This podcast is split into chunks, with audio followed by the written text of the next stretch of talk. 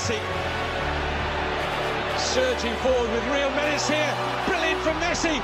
Oh, what a goal that is!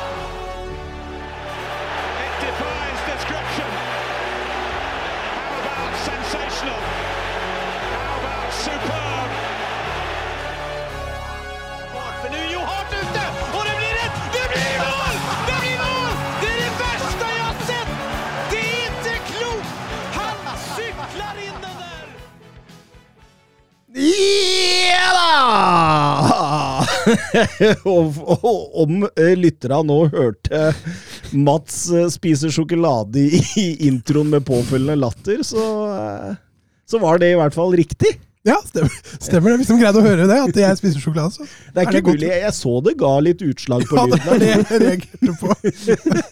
Tenkte, faen.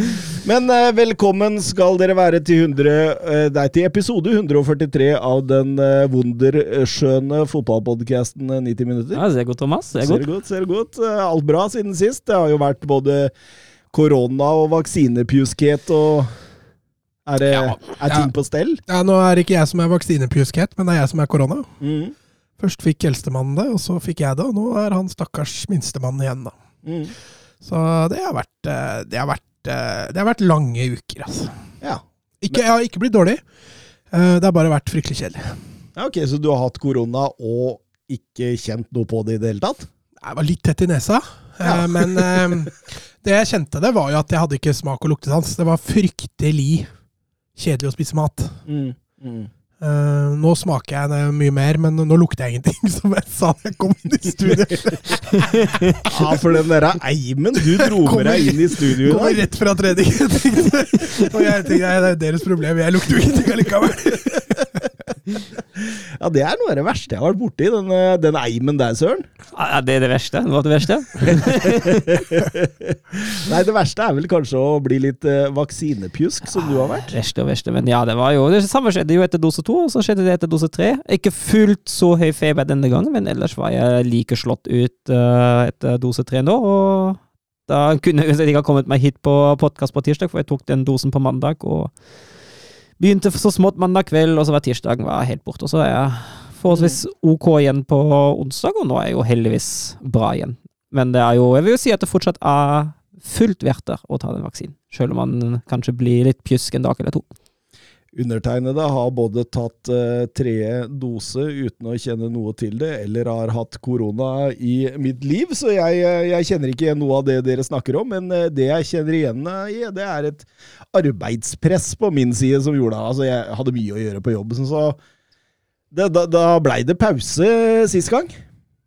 Eh, to uker har vi vært eh, unna studiet nå. og, det er som Oskar Carveio Holm eh, skriver til oss på Twitter, en uke uten 90 minutter er en lang uke. Ja, det, er- jeg føler det for meg òg. På en tirsdag med podkast sånn gleder jeg meg skikkelig til. Og jeg merker at det mangler noe når man ikke drar ut til Slattum og, og sitter i studio og snakker masse fotball en tirsdagskveld. Så det er veldig hyggelig å være tilbake.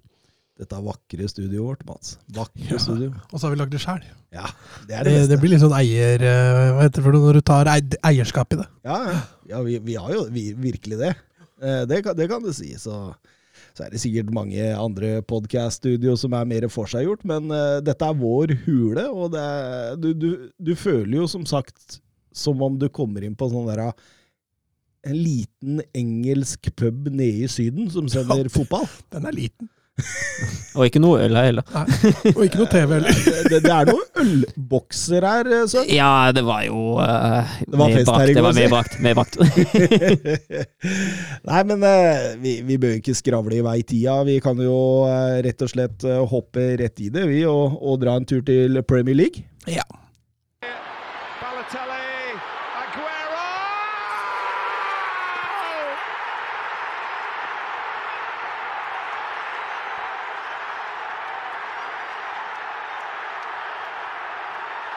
Swear you'll never see anything like this ever again. So watch it, drink it in. They've just heard the news at the stadium. Og eh, vårt eh, første stoppested eh, i Premier League blir Manchester United mot Westham, Mats. Fikk du mer av den? Uh, of course. Mm, mm. Hva, hva, hva tenker du eh, om Manchester United nå, og, og det stempelet Ragnhild har fått satt på dem? Nei, det har ikke vært, det har ikke vært noe typisk Ragnhild. Han vingler litt. Han, han, prøver ut litt nye formasjoner de siste kampene. Nå har han gått tilbake til Solskjær-formasjonen, så han, han, tester ut en, en trio bak, bak en enslig spiss. Så han famler fortsatt en god del, spør du meg. Westham gjorde det riktignok fryktelig vanskelig, spesielt i første gang, men Uh, det er ikke noe, er ikke, jeg syns ikke det er noe godt offensivt preg over det. Jeg syns dog har blitt litt bedre defensivt. Jeg er enig. Jeg synes, det, det, det, jeg beit meg merke til, da, uh, var at så snart Westham begynte så smått å kanskje komme seg på en overgangsmulighet, så var den offensive markeringen klart bedre. Det var ofte at presset på ballfører var intenst og veldig bra der, og det vil jo si av framskritt i laget, i hvert fall. men jeg er helt enig med deg, Mats, at det framskrittet som man ser, det er hovedsakelig defensivt. Jeg syns offensivt er veldig mye avhengig av at Bruno Fernandes har en genial idé. Ja, man er, man er tilbake til uh, uh, Solskjær Altså begynnelsen av Solskjær-tida her, syns jeg egentlig. Altså hvor altså I første omgang der så jobber de jo hardt for å prøve å lokke lokke Westham ut av skallet sitt for å kunne skaffe seg rom bak dem. Mm. Det, det, klarer de ikke, og da blir de spillende veldig mye mot etablert. Og når United spiller mot etablert, da blir det ekstremt statisk. Altså, det, altså jeg satt og tenkte underveis på denne kampen at uh, her ser jeg kun én måte Manchester United klarer å score på, og det er kontring. Eller overganger, da. Um, det var litt um litt skuffende Eller jeg syns Mason Greenwood, siste matchene, begynner å se mer og mer voksen ut. Mm. Så der tror jeg de har en spiller offensivt de kan lene seg litt mer på når det butter imot. Mm. Men det er klart, han må jo, han må jo fortsatt ta et par steg til. Men, men jeg syns han ser mer voksen ut, og det er ikke så langt unna å få scoring både her og i forrige kampen mot uh, hva var det man vant mot? Brentford. Brentford. Så jeg ser helt klart fremgang der også, også hvis, vi, hvis, vi, går inn på hver enkelt spiller, da. Mm. Uh, og, og, nå jeg at uh, trekkene til Ragnhild er å flytte McTominay høyere, høyere i banen for å, for, for å, kunne skaffe overtall der. Da, da, da, skjønner man jo hvilke problemer de egentlig har mot etablert, og hvor, egentlig, hvor rådvill han er i forhold til dette. Da. Ja, men så ser du, altså, McTominay har jo helt klart en forse i presspillet, eh, å være en god førsteforsvarer. Men man ser jo også det når han velger Elanga, da, som for så vidt er ganske god toveis. Eh, Istedenfor når du sitter der med både Lingard, Kavani, Rushford og Martial på benken, så, og du velger Elanga. Det, jo, det er jo et lite statement også fra Ragnhild, altså hva han forventer av spillerne sine. Mm, mm. Så jeg syns det var også et modig valg. Men det var en tight game, uh, dette, Søren, uh, som ble avgjort på slutten. Ja, og da var det jo en, uh, en overgang. Da var det for mye rom, for mye strekk i Vestheim-laget, rett og slett. Og så fikk til slutt ble Kavani gjennomspilt og satt opp Rashford på helt blank kasse. kunne ikke bomme. fint, fint utspilt kontring til deg. Og ja, du fikk, fikk, jo rett at det måtte bli en, måtte bli en overgang. Og så er det sånn Westham gjør på en måte to veldig små feil. altså Først er Bowen som mister ballen mm. høyt i banen. Og så på grunn av dette, da, for Fredericks er på vei framover, så mister han også posisjonen i forhold til eh, kontradekninga, som gjør at han stusser jo den ballen bakover i banen isteden. To veldig små feil, men det er, det er, så små feil man liksom på en måte Blir straffa for. Ja. Blir straffa for, ja. Og jeg tenker jo at det, eh, grunnen til at United stikker av med tre poeng her, det er jo innbytterbenken, og det ser man jo også på målet der. at det, Å kunne sette inn sånne type spillere, da, kontra det Moyes kunne sette inn, så, så, så har du en stor fordel. Mm. Ja, ja, det er jo kvalitetsspillere. Rashford skårer vel sitt første mål på Old Trafford i år på, i Premier League, så han, han har liksom ikke fått i gang han et heller, men uh, det er jo som du sier, da, det er jo Kavani som, som legger opp til Martial, og så er det uh, får du Kavani igjen ballen, og der er Rushford foran mål. Så det er veldig veldig bra satt opp kontring. Uh, men det er som du sier, det er den Jeg syns det balltappet til Bowen hvert fall, er, er kanskje det, det mest uh, hva skal vi si, sårbare der, for der er Westham på vei fram. Mm, mm. Og det, det, sier kanskje litt om Westham òg. Altså, slik vi kjente Westham for et års tid siden, når de liksom begynte å, å, å bli ganske gode under Moyes, så, så, så gikk de ikke for det på 0-0 på Old Trafford. Men, men, nå går de jo helhjerta for det. Altså det. det. har jo skjedd en eh, mentalitetsendring i Westham også. Ja, jeg syns du ser også et godt tegn på første og andre omgang. Fordi Westham er superdefensive i første omgang. Eh, og det har selvfølgelig sin pris, fordi det blir en veldig kjedelig fotballkamp. Men så ser du dem gå for det litt mer i andre omgang. da. Det blir jo en mye mer åpen fotballkamp. og det, det, det, tyder jo på både god selvtillit, men også at de har fått på plass et mye bedre eh, etablert offensivt spill da, enn det de har hatt tidligere. Og Declan Rice, skal vi si noen ord? For, oh, en, for en herlig spiller, altså. Åh, ja. nydelig. Altså, tenk ham i den United midtbanen. Ja. Tenk, ja. tenk han der. Eh, sentralt på midten sammen med en boks til, mer, mer utprega boks til boks. Ja. Mm. Da, det hadde vært, da, blir, da blir United farlig. Om, om det.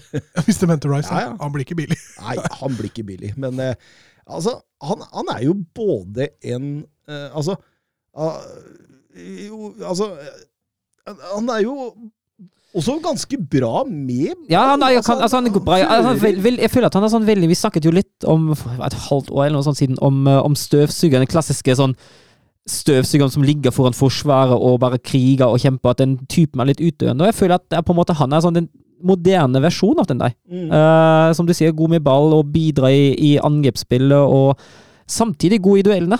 Og tette rom, og Det han her. Fryktelig smart fotballspiller. Ja, og, og du ser eh, de nye skolen talenter i Frankrike nå, en Kamavinga, en Chouameni. De er jo sånne typer spillere. De er jo ikke bare den støvsugeren, men de som også kan frakte ball fremover i banen. Og.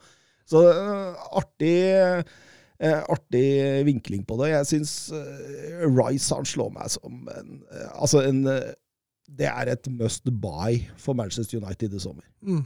Det er flere som kan ha nytte av han. Da. Ja, men Manchester United mest. Ja, det er jeg enig i. Ja, Det er altså behovet størst. Ja, ikke sant. Eh, OJ Haaland på Twitter. Eh, enkelt ja eller nei. Blir det topp fire på United denne sesongen? Nei. Nei. Å, den er vanskelig, men ja, Men de måtte sparke Solskjær da, før de havna utafor, så jeg sier nei. Jeg sier, jeg sier nei. Jeg sier. nei. Altså, det er jo ikke så altså, det, er jo, det, er tett. Det er så tett, ja. ja. Men det, har, det, er bare én plass. Og an, akkurat nå uh, anser jeg både Arsenal og Tottenham som, som sterkere og litt mer utvikla. Jeg syns også Westham kan faktisk inkluderes der. Altså. Mm. Jeg, tror, altså, jeg, jeg, blir over, jeg, blir litt overraska hvis de havner der, men samtidig ikke, da, hvis du skjønner hva jeg mm. mener. For de, de, har jo prestert bra. Altså, men som du var inne på under kampen, da, altså, de, de er veldig sårbare. Mm. En Antonio vekke der, eller en Declan Rice borte, så, så, så er de plutselig langt mer svekka med en gang. Ja. Det, der er ikke United og de andre, så Nei, jeg holder faktisk også både Arsenal og Tottenham litt foran United. Ja, og så har de jo, de har jo altså både én og to hengekamper ut mot United, tror jeg. Mm, mm. Eh, vi eh, går videre til Southampton mot eh, Manchester City. Det var tidlig ledelse på St. Mary's der. Ja, herlig, herlig spilt. Fint angrep. Uh, nydelig avslutning av uh, Walker Peters. Og City sliter ordentlig med, med Southampton. Uh, virkelig. Uh, satt litt sånn og tenkte at igjen, sånn utover i kampen, igjen en midtspiss som faktisk kan ta imot innlegg i boksen. Og så hadde ting sett litt annerledes ut der. Det er litt større sjanse for at Kyle Walker skårer i den kampen der enn, litt, enn alle andre spillere. det er en på, det er en på hvert lag. to, to Kyle Walker. Ja, ja.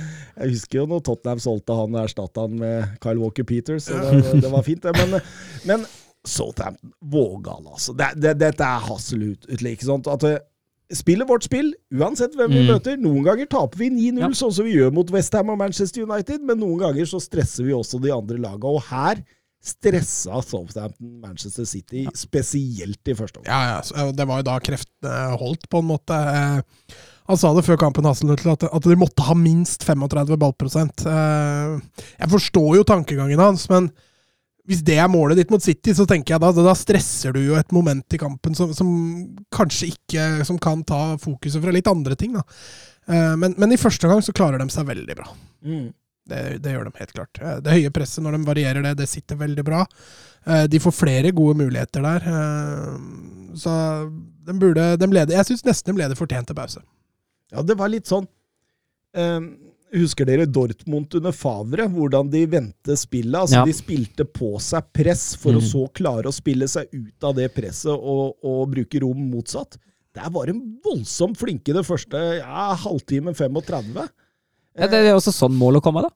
Ja, det er, det er jo helt klart det. Og um, Eh, det, det, tar jo litt tid før dette City-presset som vi kjenner, egentlig kommer. Ja, fra, men fra 60 og utover så ja, er det jo fullstendig enveiskjøring, da. Uh, og da, da henger Southampton virkelig i tauen. Altså. Alle i Southampton utenom Mohammed Salisu. Han sto godt baki der, Ja, altså. Et par av de taklingene han setter inn i den matchen, er, eh, det er enormt. Når han, når han venter ut det brødet på en takling, det, det er ikke så ofte du ser det. Det, det er klasse, altså. Kan jeg også si at jeg som City, Hvis jeg hadde vært City-supporter, hadde jeg blitt fryktelig provosert av Stølings avslutning etter 38. Den er grusom. Den, altså, jeg, hadde, jeg hadde blitt dødsforbanna. Jeg husker jo han gjorde jo noe lignende mot var det Olympic Villon i Champions League. Altså Det er vanskelig å se om han bare er litt cocky, eller Ja. om han er usikker der. Ja. For jeg syns Altså- jeg, ser litt nonchalant ut. jeg. Ja, jeg, jeg syns jeg ser cocky ut, rett og slett. Jeg syns det. Jeg syns det, jeg syns, altså, det ser ut som en arrogant avslutning. nå må vi huske på at Stirling er egentlig en veldig dårlig avslutter. Ja, Mm. Ja, Han har aldri Altså- vært noen storskårer. Nei, og, og liksom på en måte Han er jo ikke spilleren som køler den i, i, i Nei, men den der, altså- Nei, nei, men jeg, jeg er helt enig med deg, Søren. Men altså, han er jo Altså, han er jo en tap-in-spiller, eller en, Mm. en, en kommer rundt uh, alene med keeper og setter den i åpent. Og Eller at han skyter fra 18-20 meter. ja, al- altså han, han, Det er veldig lite altså på en måte Alle måla altså, Her er det jo et stressmoment samtidig som du på en måte skal score ti av ti. Og, og, og da tenker jeg at eh, spillere som Stirling, da, de, de, de bommer noen ganger på sånne. Det, det, det, det er helt Altså, hadde det vært eh, hvilken som helst annen offensiv spiller i Manchester City, så tror jeg han hadde City. Ja. Jo, men Det er liksom litt den holdninga hans som Mm. får ballen der. Det er det, det, er det jeg tror Ja, altså, det ser- ser nesten ut som at han tenker at den her scorer jeg uansett på. Mm. Altså Ut ifra ut ifra bildene, ut ifra ansiktsuttrykket han har rett før avslutning, for det være sånn fint nærbilde på ham òg, så gir den en reprisen. Men Laporte, om han ikke redder dagen, så eh, redder han i hvert fall poenget der. Ja, fint, eh, fint korridorfrispark av De Bruyne, og fullt fortjent at uh, City utligna deg. Kevin De Bruyne har nå like mange assist i Premier League eh, som eh, David Beckham. Men eh, den belgiske landslagsspilleren har gjort det på 68 færre kamper. Ja, Det er sterkt. Hvor mange er det opp til gigs, vet du det? Oi, oi, oi, det sto det ikke på opp da, Søren. Ja. Sånne oppfølgingsspørsmål, det vil jeg ha meg frabedt. Eh, Men eh, ja, og eh, det blir jo en forsvarskamp ut. Det blir jo det. For Southampton, ja. Ja. Ja. Det er jo er to stolpeskudd av både De Bruyne og Gilles. og- Ja, den, men den på Jesus der, der, der syns jeg han er veldig optimist når han går Ja, for ja, ja. Det er Ja, nesten død vinkel. Så, så selv om det ja, det er et stolpeskudd, så regner jeg ikke det som en voldsomt stor sjanse. Altså.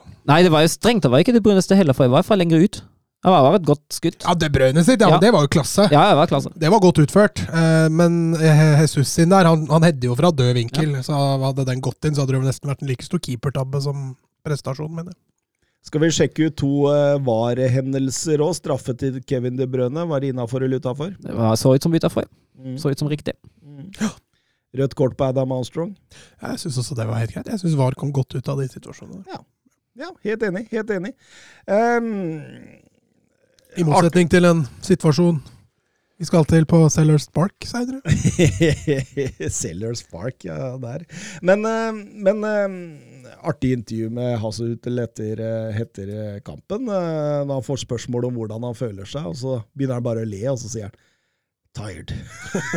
så han var eh, Mens Pep Guardiola han eh, var mer irritert over alle som har delt ut gullet til City i januar. Han eh, var skikkelig forbanna etter kampen og sa liksom at ok, må vi virkelig tape poeng for at dere skjønner at dette ikke skal bli avgjort? Han var, han var eh, grinete der på Men har har ikke City også spilt uavgjort i hjemmekampen mot eh, Southampton? Har ikke de avgitt nå fire poeng mot Southampton denne sesongen? De har gjort det, de har gjort det. Så det, det, det er vel et lag de sliter litt å møte. Og det, det er jo et lag som ikke tar hensyn. Nei. Kanskje andre klubber kan lære av det, Mats.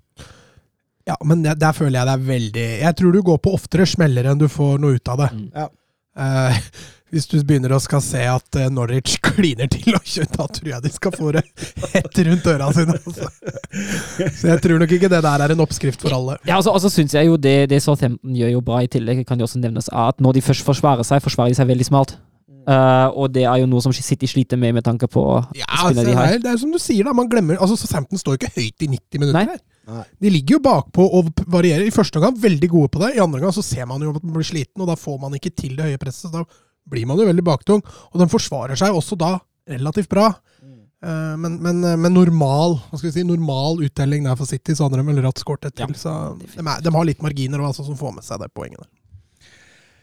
Arsenal, eh, Burnley, en tøff januarmåned for Arsenal. Fortsatt uten seier i den. Tap mot City og røyk ut av begge cupene, bl.a. mot Nottingham Forest. Og Burnley kom virkelig ikke til Etiad med noen overraskelser. Nei, der var det jo ni-ti uh, spillere i egen boks til tider. Det var akkurat som forventa Burnley. 4-4-2 og parkere bussen. Parkere bussen og direkte langt opp ja. eller slå inn bak. og Ja, får jo satt Arsenal og Ramsdale på et par tidlige prøver der, men etter der så blir det jo nærmest enveiskjøring. Ja, det vel, altså, Arsenal har vel i, uh, i første omgang 78% possession eller noe sånt. Mm. Uh, men forholdsvis få ideer. Uh, sliter veldig mot, uh, mot den bussen som er parkert uh, foran Nick Pope. Det er, de, det, er de, få gangene, de ytterst få gangene hvor Burnley er på vei fram. Mm. Ja, hvor de greier å få snappa kula der, og gjerne Martin Ødegaard, faktisk, spesielt mm. i første omgang. Greier å få ende opp med ballen så han får tredd disse igjennom. Da blir det litt farlig, men ellers så har Burnley egentlig god kontroll. Ja, absolutt. Uh, inviterer vel Arsenal ut bredt der for å få slått innlegg der, og der står jo Ben Mee og Tarkovskij, og, og, og, det som ikke kommer gjennom dem, det, det tar Nick Pope, så det var vel Lacassette som hadde de fleste sjansene til Arsenal der. Uh, Nei, altså Og, og det, det, er jo akkurat dette med Arsenal. ikke sant? At eh, Nå går man på en januarmåned hvor man ikke har vunnet. Eh, og, og, og psyken i laget er vel ikke den aller beste. Det er masse urutinerte spillere. Nabo Myang som Han skal ja. til Barca. Han skal til Barca, ja. Eh, så, så Altså, Vi jo anta at dette var ganske skuffende for en Arsenal-supporter. Ja, det vil jeg da Hjemme Mot Burnley 0-0 det er egentlig ikke godt nok. Jeg fikk ikke når det skal jakte fjerdeplassen. Nei, men igjen så syns jeg det, det, ser jo mye mer solid ut. Mm. Ja, ja. Det mangler bare den siste offensive biten. Det er klart, Du kan argumentere for at det er der de har mangla hele veien, men eh, igjen så har de god kontroll defensivt. Du ser mot uh, Liverpool, så er de jo en en god prestasjon fra din favorittspiller unna og egentlig ha god kontroll også i denne matchen. Så selv om ikke det har løsna helt i januar så langt, så, så er det bare et tidsspørsmål. Um, altså ikke lenge igjen av januar, da, men ta i februar òg, da. Hvis man tar med cupkampene, så er dette fjerde kampen på rad Arsenal går målløse av banen. Og det har ikke skjedd siden desember 2005. Mm. Ja. Vi får vel unnskylde dem på Anfield når de spiller med ti mann i 70 minutter omtrent. Men, uh, den er tung, den. Men jeg er enig med deg. Hjemme mot Burnley skal du være med å kjempe om edelt metall, så skal du vinne den selv om du er litt redusert. altså. Vi eh, hopper over til Crystal Palace mot uh, Liverpool. og Åssen har det gått med Liverpool uten Salah og Mané? Nei, det, har gått, det har gått bra. Ja. Det vil si Videre i cupen med seks poeng, full pott mot uh, Brentford, var det vel, og Crystal Palace nå? Uh, så man kan ikke si annet enn at det har gått bra. Det skyldes Altså, jeg syns jo jeg syns jo Femino uh, fungerer bra igjen som falsk nier i den kampen. Jeg syns også Jota fyller denne manerrollen uh, veldig bra i den kampen. Nå må du passe deg for hva du sier her. Døra er der. Nei, jeg syns, jeg, syns, jeg syns, uh, syns, det ser bra ut. Og angrepsmønsteret til Liverpool, det er jo der hele tida. Ja. Det, det, er jo det kjente, det vi ser på Liverpool. Uh. Om det står om det, I den kampen da, nå står ekstra Chamberlain, eh, Femino og Jota der oppe, eller Salah Mané og, og Jota det har ikke så mye å si uh, når det fungerer såpass godt i laget som det ja, gjør nå. Det var det Klopp sa etter kampen òg, at eh, det er greit, vi mangler to veldig gode fotballspillere, men systemet er jo det samme. så bare vi får ballen inn i boksen, så er det flere der som kan skåre. Og det, det viste seg, det, det stemte jo. Men, men det, det, er klart skille her i kampen, fra ja. 30-35 ja. og ut. For det, det altså Altså, Palace altså, Hvor gode Liverpool var, og hvor dårlig Palace var, eh, hva er eh, blandingsforholdet der? 50-50, vil jeg si. ja, ikke sant? Altså, ja, det er de første 30, da. Ja, ja, altså, begynner, altså, Liverpool inviterer jo altså, Det mm. florerte jo med stygge på den til Matip-ene. Ja, herregud. Og ofte også upressa. Ja, det var flere ganger. Så de siste ti minutta i første så, så er det jo egentlig helt utrolig at ikke Palace greier å straffe Liverpool for å være så slurvete. Ja, det er jo en Alison Becker faktisk der som gjør at Liverpool kan gå til ja. pause med 0-2. Den ene redninga da, det ble vel offside, men uh, for en redning. ja.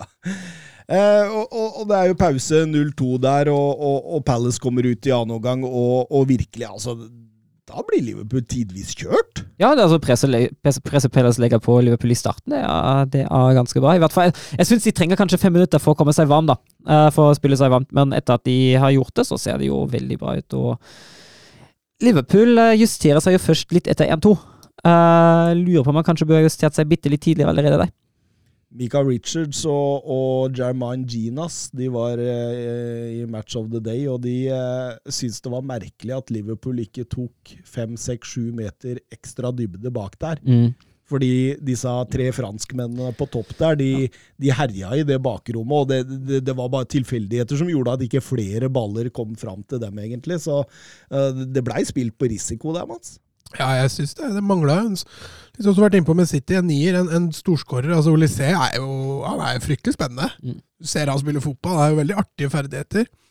Edward, som kanskje er den beste målskåreren der, dyttes liksom litt ut på sida. Kanskje det skulle vært litt plassbytter der også, men eh, jeg er enig med deg. Eh, Palace får, får løpe mye i bakrom, og, og van Dijk ser ikke like stødig ut hver gang når han Han gjør en feilberegning på, på skåringa til Palace, når han lar løpet gå inn bak, for han tror pasningen kommer foran seg. Ja, absolutt. Og, og, og da er det jo kamp igjen. eh, eh, jeg flira litt når det målet kom, fordi altså, det er vel eh, det er vel Mateta der som er igjennom, og så dytter han til side til, eh, til eh, Eduard der. og jeg husker før i tida, når vi var yngre, så spilte vi Fifa. og Da var det ikke lov, å, ja, det var ikke lov å score på Ja. den. Vi kalte det for ludderkarma. Ludderkarma, Og det ja. betyr at skårte du et sånt mål i Fifa, så fikk du masse uflaks tilbake igjen. Ja. Men jeg tenker jo det viktigste spørsmålet å ha nå er om Teta er verdens snilleste mann. ja, ifølge, ifølge flere så kan det kanskje Ja. være det, men, men, men Men han hadde jo brent, brent noen sjanser. Jeg tror selvtilliten hans så Edvard. tenkte jeg, å gudskjelov, da slipper jeg å skyte. Uh, så jeg tror han slapp billig unna, for jeg tror han hadde bomma. Men, men når vi da får dette straffesparket, blei Crystal Palace utsatt for karma? Det er det jeg. Blei. Ja, du kan, du kan argumentere sånn, men altså, det straffesparket der kan ikke unnskyldes med noe som helst. Altså, det, det, det er faktisk det verste jeg har sett så langt denne sesongen. her. Ja, Vebjørn Fredheim han spør oss er det det tidenes billigste straffespark i Premier League etter innføringen av VAR. Jeg har én som er billigere. Én.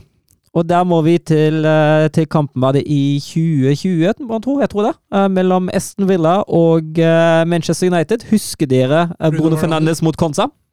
Han blei takla. Det var da han skulle kanskje hatt rødt i, og fikk straffe isteden. Ja. Det var verre. Det syns jeg var verre enn Jotas. Var det VAR som var inne der og Ja. straffe? Jeg tror det. Var det ikke? Jo, det, jeg mener det. Jeg mener det. Men, men uansett så er jo spørsmålet er det det billigste etter innføringen av VAR, så det er jo samme om det var VAR som var eller Jo, men hvis var. dommeren hadde blåst straffe, og VAR ikke hadde brytet inn, så er det jo ikke VAR som gir straffa. Eh, Det er fortsatt, det er fortsatt ille nok med den eh, Men det Fernandes-straffa. er jo fortsatt det- Her er det jo VAR som gir straffa. Ja, men det er jo fortsatt tidenes billigste straffe etter innføringen av VAR, uansett om det var VAR som gikk inn, eller om dommeren som gikk inn. Å, sånn. Ok. Hvis Nei, jeg bare skal man ha fram at straffa ikke var gitt her. Kanskje ikke straffa var gitt av VAR? Nei, det husker jeg ikke helt, men det var, det, det, jeg er helt enig med Søren. Den er kanskje Eller den er jo verre, for der kunne jo Bruno Fernandes ryke i, og så får han straffe isteden. Men dette her Hva er det VAR tenker på, Mats, når de sender Kevin Friend ut på skjerm der? Ja, det kan du jaggu lure på. Altså, keeperen kommer jo ut, og så bommer Jota på touchen, så han må ta en retningsforandring. Og det er da jeg mener keeperen kan jo ikke bare forsvinne. Nei, det er, han er ikke Houdini. Nei, så her gjør dommeren eh, i mine øyne en skikkelig blemme når han lar seg overtale av VAR til å, å tenke at det er straffe. Altså, kontakten er det jo ingen tvil om, altså, alle ser jo den. Men, men altså Men altså, hvis, jeg, hvis, jeg, hvis, hvis, man, hvis man tenker, hvis man drar den litt lenger, da, og så løper man i en duell etter en kone, eller noe sånt, og så løper man inn i en forsvarsspiller som bare står og støter deg, skal det være straffe hver gang? Det er jo så samme greia. Mm. Mm. Nei, det, jeg, jeg, jeg skjønner det ikke. Og eh, hadde vært ekstremt bra gjort av Friend om han gikk ut der og sa nei. Men hvorfor, hvorfor gjør han ikke det? Så jeg ser jo dommerne i andre, andre ligaer som vi følger, gjør jo det. Innimellom når de går ut på skjerm, bare Nei, dette er jeg ikke enig i. Eh, vi blåser i den. Ja, Mike Dean har gjort det et par ganger òg. Han har jo Ja, nekta å gå ja, på skjerm. er Jeg tror det var, jeg tror det var Kasper Wikestad som skrev på Twitter, var det i dag, eller noe sånt, at jeg leser av, av, av, ham på Twitter, at eh, hver gang dommerne har vært ute på skjermen i Premier League i år, da har de fulgt Altså, da har de gjort om på avgjørelsen sin. Hver gang. Hver eneste gang. Mm.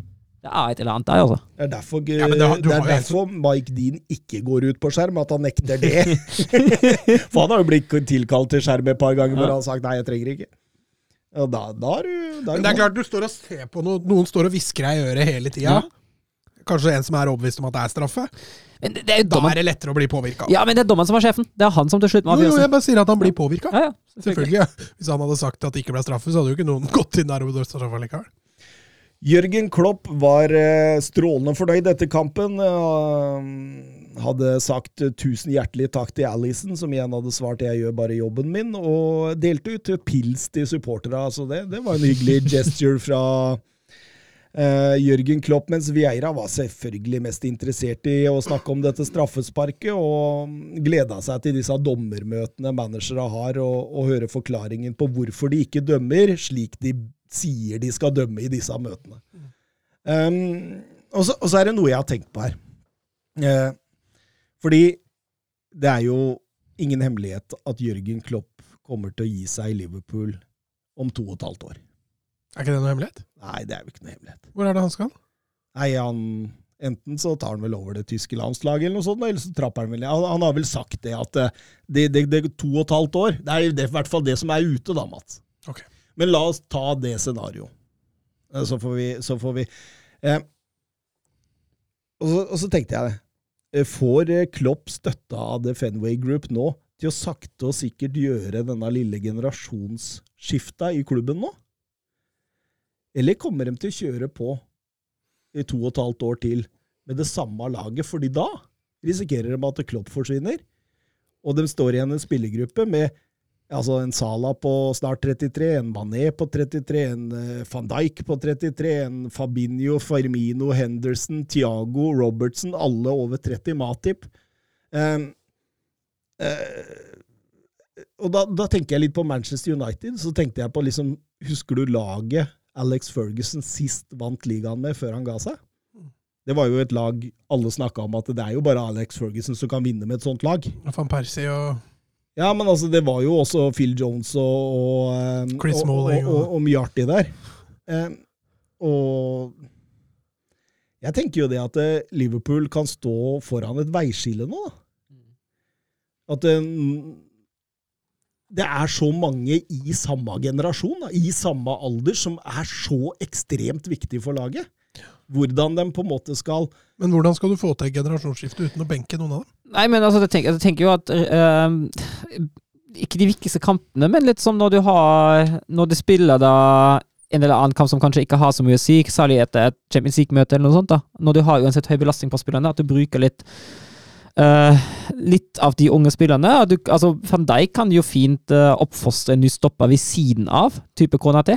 Det er jo fullt mulig. Det samme gjelder midtbanen. Uh, trenger ikke å ha, uh, ha alle tre erfarne på banen samtidig. Nei, altså, de, de har en uh, Elliot, og de har en, Gordon, Gordon. var, Ja, virker bra. Eh, Trent og kan vel kanskje nesten Trent eh, Jones. kan jo drive på en del år. eh, Curtis Jones, ja, selvfølgelig. Diogo Jota skårer sikkert mål til han er 40. Han. men, men, men The Funway Group, da. Altså, nå, nå må de backe Liverpool. Nå må de backe Klopp. Ja, men jeg tror ikke de ser, på, ser eh, greia der ennå. Jeg hadde i hvert fall ikke gjort det. Nei. Altså, de har jo Vi skal kåre et, et Europa topp fem-liga etterpå. Og i min bok så kommer, de, kommer de ut der enten som nummer to eller nummer tre. Ja, ja. Eh, og det er klart, et generasjonsskifte det må alltid en klubb ha litt i bakhodet, da. Men det er vanskelig å hente store stjerner som skal bare inn og, og være backup i to år, og så skal du spilles varm. ja. Jeg tror ikke de greier å hente de spillerne. Nei, nei, nei. Så de må enten fostre opp egne, typ Jones, Gordon, som kan sitte litt på Elliot, som kan sitte litt på benken. Mortens er ganske brukbar. Ja. Og Mm. om to år så kan de være klare. Ja. Jeg tror det er sånn de må gjøre det. altså. Mm. Nei, det blir spennende å se den på en måte utviklinga nå i de to og et halvt årene, hvis det er sånn at Klopp forsvinner, da, som de, Hvem er- de aller fleste Hvem er den perfekte etterkommeren etter Klopp? Eh, Det blir vel Stevie G, tror du ikke det? Hvis- Få altså, det- se hvordan det går med ham, da. Ja, det er jo eksamen i Aston Villa Mm. nå for å kunne ta over den jobben, tenker jeg. Så, så får vi Ja, Det se. hadde jo vært fryktelig romantisk, da. Mm. eh, vi går over til ukens eh, hovedkamp. Det var utplukket av dere, ikke meg. Nei, nei, Men du var med på resultattipset, så Ja, ja, ja. du deltok der. Jeg deltok der. Chelsea-Tottenham. Um, historisk uh, har uh, lagene ja, Chelsea har vunnet 76 mot Tottenhams 45, og så er 41 endt uavgjort. eh. Dette var, jo selvfølgelig var mye jevnere før Abramovic. Eh, etter Abramovic har det gått verre med Tottenham sin del der i disse, disse møtene. De siste 32 har endt 17 til Chelsea, bare 5 til Tottenham og 10 uavgjort. Tottenham røyk jo i ligacupen mot eh, Chelsea i ukene fram mot dette. Det blei 0-0 her sist sesong, mens eh, tidligere sesongen vant Chelsea 0-3 i det motsatte oppgjøret. og La vi merke til noe ved lagene? Ja, jeg kan jo ta starte med Chelsea. Da var det to endringer. Serr og Kovacic inn for Conte og Alonso. Uh, og så går Torhild da også i møte med Tottenham for en 4-3-3. Ja, Tottenham de overraska litt, de òg. De, det kan du si! de, eh, jeg vet ikke om de har vært på samme møte, ja, både Conte og og Tuchel for å bestemme seg for å, å, bytte samtidig. Men de også spiller jo en veldig skeiv, vi kaller det 4-4-2. Eh, der eh, Davies blir veldig brei på den ene sida, Tankanga blir veldig brei på den andre sida, og så er Cézinho og Dockerty en slags offensive wingbacker, kan vi kalle det det. Ja. Uh, og Høibjerg og Winks da, som får, uh, får rollene sentralt. Son Son fortsatt ute, så da, da, var det Bergwijn. Og Bergwijn har jo vært bra i det siste, så at han eh, fikk fornya tillit, det var ikke så rart. Mora var vel vært skada en liten periode, så han var vel ikke klar har vært litt sånn eh, det, det, det, Han har ikke vært skada, men det, er etter med fysikken. Men jeg, jeg, tror uansett at eh, etter Bergwijn sine to fantastiske mål ja, Men Mora har jo også vært fantastisk. Ja da, ja da for all del. Så, men Og en Mora i toppfar og en Bergveien i toppfar, hvem hadde du valgt? Eh, sånn det har vært denne sesongen, Mora. Ja. ja absolutt. Denne sesongen? Ta resten av hele karrieren deres. Men jeg, jeg, håper jo at Bergwijn skal få et gjennombrudd her, da. Det skjønner jeg òg, og over en hel sesong så er det selvfølgelig fullt mulig. Men i en enkelt kamp borte mot Chelsea men, men, men, begge er jo litt samme typer. Jobber knallhardt. Raske, eksplosive, eh, bakrom, gode i bakrom, eh, bra nærteknikk. Altså ganske like typer, egentlig. Ja, ja, for all del. Eh, men, men, over til eh, kampen, da. Det blir jo et uh, Chelsea-kjør fra start én, egentlig. Ja, og vi har jo en første sjanse allerede etter, etter, at det har gått ett minutt på, på minuttelleren. Nå uh, Mount uh, Var det Mount som legger inn, eller? Ja, tror jeg. Mount kommer ut på høyre og legger inn, og Lukaku får, får på volley og skyter over. Der var på en måte tonen satt. Mm. Det er litt sånn jeg har sett Chelsea mot Liverpool òg, når de bare gønner mm. på i angrep. Mm. Her skal det presses, vi skal få dem ut bredt, vi skal skaffe overtall i det høye presset vårt. Chelsea er fantastisk gode der. Altså. Ja, det er morsomt. Og eh, særlig, særlig, de, har ikke, noe å svare med. Og særlig den høyre sida. Uh, det, ja. det, samspillet mellom Mount og Siech i den kampen her, det er, det, er, det er, herlig. Det er nydelig å se på. De bevegelsene, hvordan de, hvordan de er avstemt, hvordan, uh, hvordan, de har en kjemi med hverandre, og hvordan de preger det offensive spillet til Chelsea i den kampen, det er helt nydelig. De, de angriper jo bare mot høyre. Ja. Det er jo, altså, det er jo det, altså, altså Callum Hudson-Odoi han er jo kald i hele kampen utover de ti minuttene hvor Chelsea avgjør matchen, men altså, det er jo det var bra. det var kamp... høyre, mot høyre, mot høyre, mot høyre mm. hele tida. Det var kamp, kampplanen til Tuchel, Ja, det, det, det, må jo ha vært det. Fra 45 til 55 så skal vi bare snu fullstendig om, så tar vi dem på senga. Nei, men han, han, må, han, må, jo ha sagt noen ord til henne i pausen før han fasa ut igjen der, men øh, altså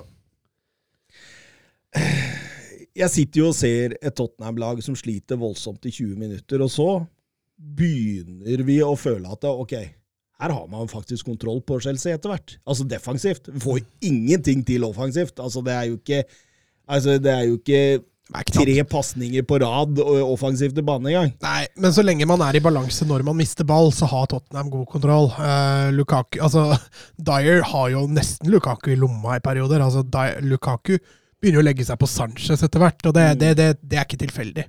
Så, så, Dyer gjorde en kjempejobb med Lukaku der i, i starten, som fikk nøytralisert han en del. Uh, og da, da, mister jo Chelsea oppspillspunktet sitt. De, det hjelper ikke å komme rundt på kant heller.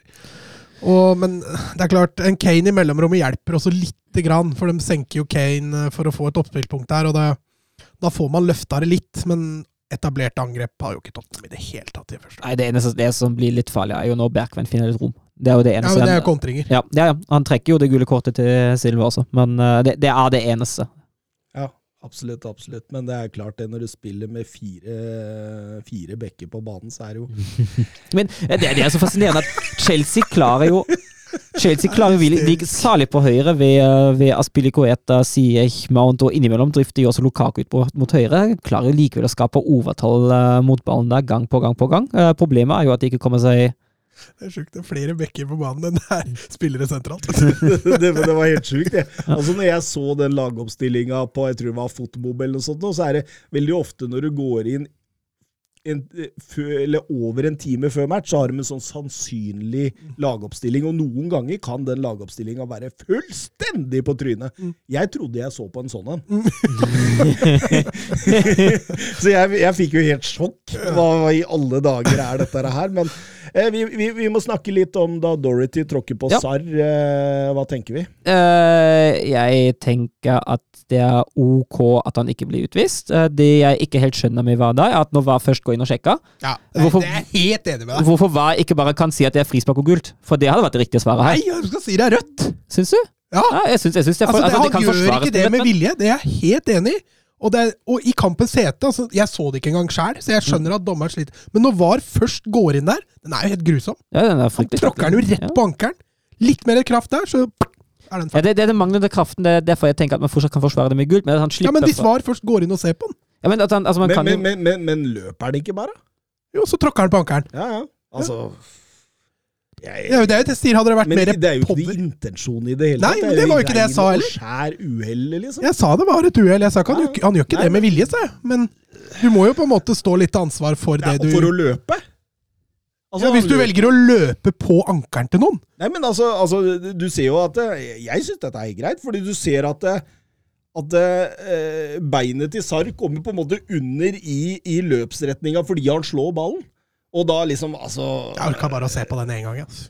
Jeg får så vondt i ankelen. jeg det. Men altså det, det, men det jeg ikke skjønner når man først går inn, at man, at man, altså at man ikke kan gjøre på en måte litt om på det. da, At man sier at frispark og gult, og så er man ferdig med saken. At han slipper fra det uten noe som helst. Det er jeg, tror, jo jeg tror ikke de kan si gult Nei. det, det skjer i Tyskland, vet du. At Ja. nå, De har hatt situasjoner de har sjekka noe, og så kom de fram til at det var ikke helt rødt. Men det dommeren hadde ikke blåst frispark før. Så går han inn og hva sier frispark og gult. Litt som i Ja, den men, men, men, men hvis altså det, det har jeg sett før også, at hvis dommeren gir rødt kort, og så går han ut på skjerm, og så ser han at ok, det var kanskje ikke rødt kort, så stryker han den og gir gult. Mm. Det har jeg sett, men jeg har ikke sett at det ikke er gitt noe, og så gir det Ja, det har jeg i Tyskland, vet du.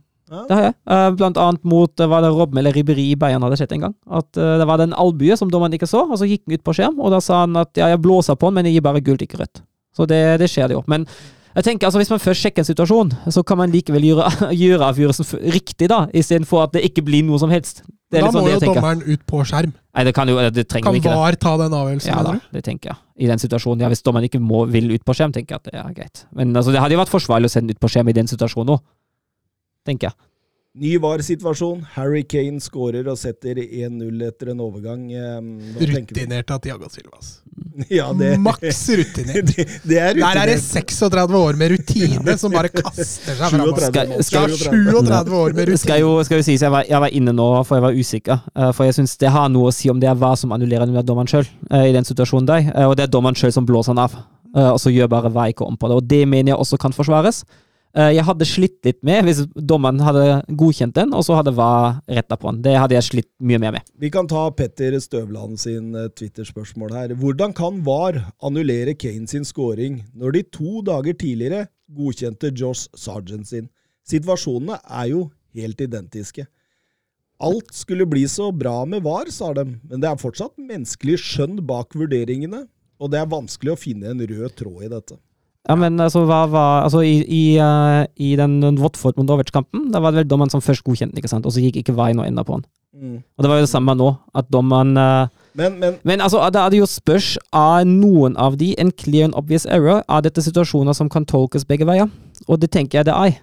Jeg tenker at det er helt greit eh, å la det gå. Altså, jeg er enig i den røde tråden. Men det var tråden. ikke VAR som var inne og tok den skåringa? Det det. Det, det var, var jo ikke inne, det var dommeren sjøl som annullerte den, og jeg tenker at det er fair. Hadde VAR gått inn, hadde jeg slitt mye mer med den. Det er jeg helt enig i. Hadde det vært VAR som hadde annullert den, da hadde jeg reagert.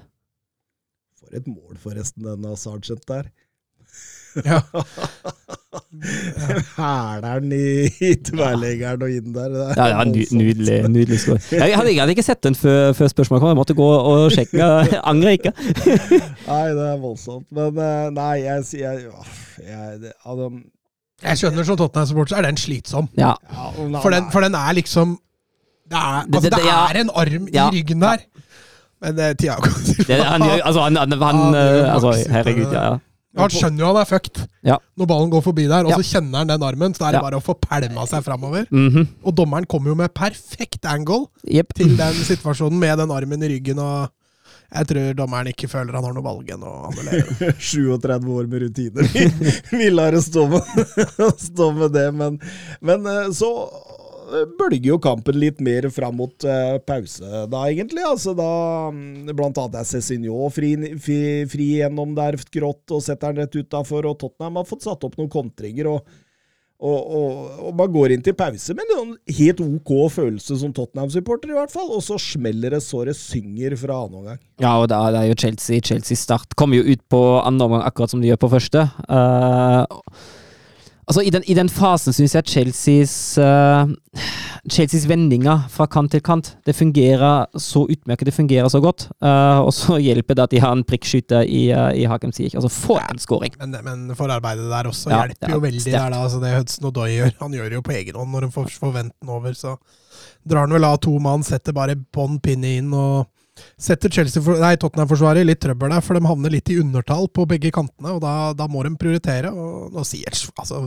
Sånn treff har han jo ikke hatt hele livet, antageligvis. Da. Og da er det 1-0, og, og ikke så lenge etterpå så er det samme Hudson Odoi som skaffer et frispark, korridorfrisparket bankes inn, og Silva er under voldsomt press Er der. sterk mot to eh, spillere.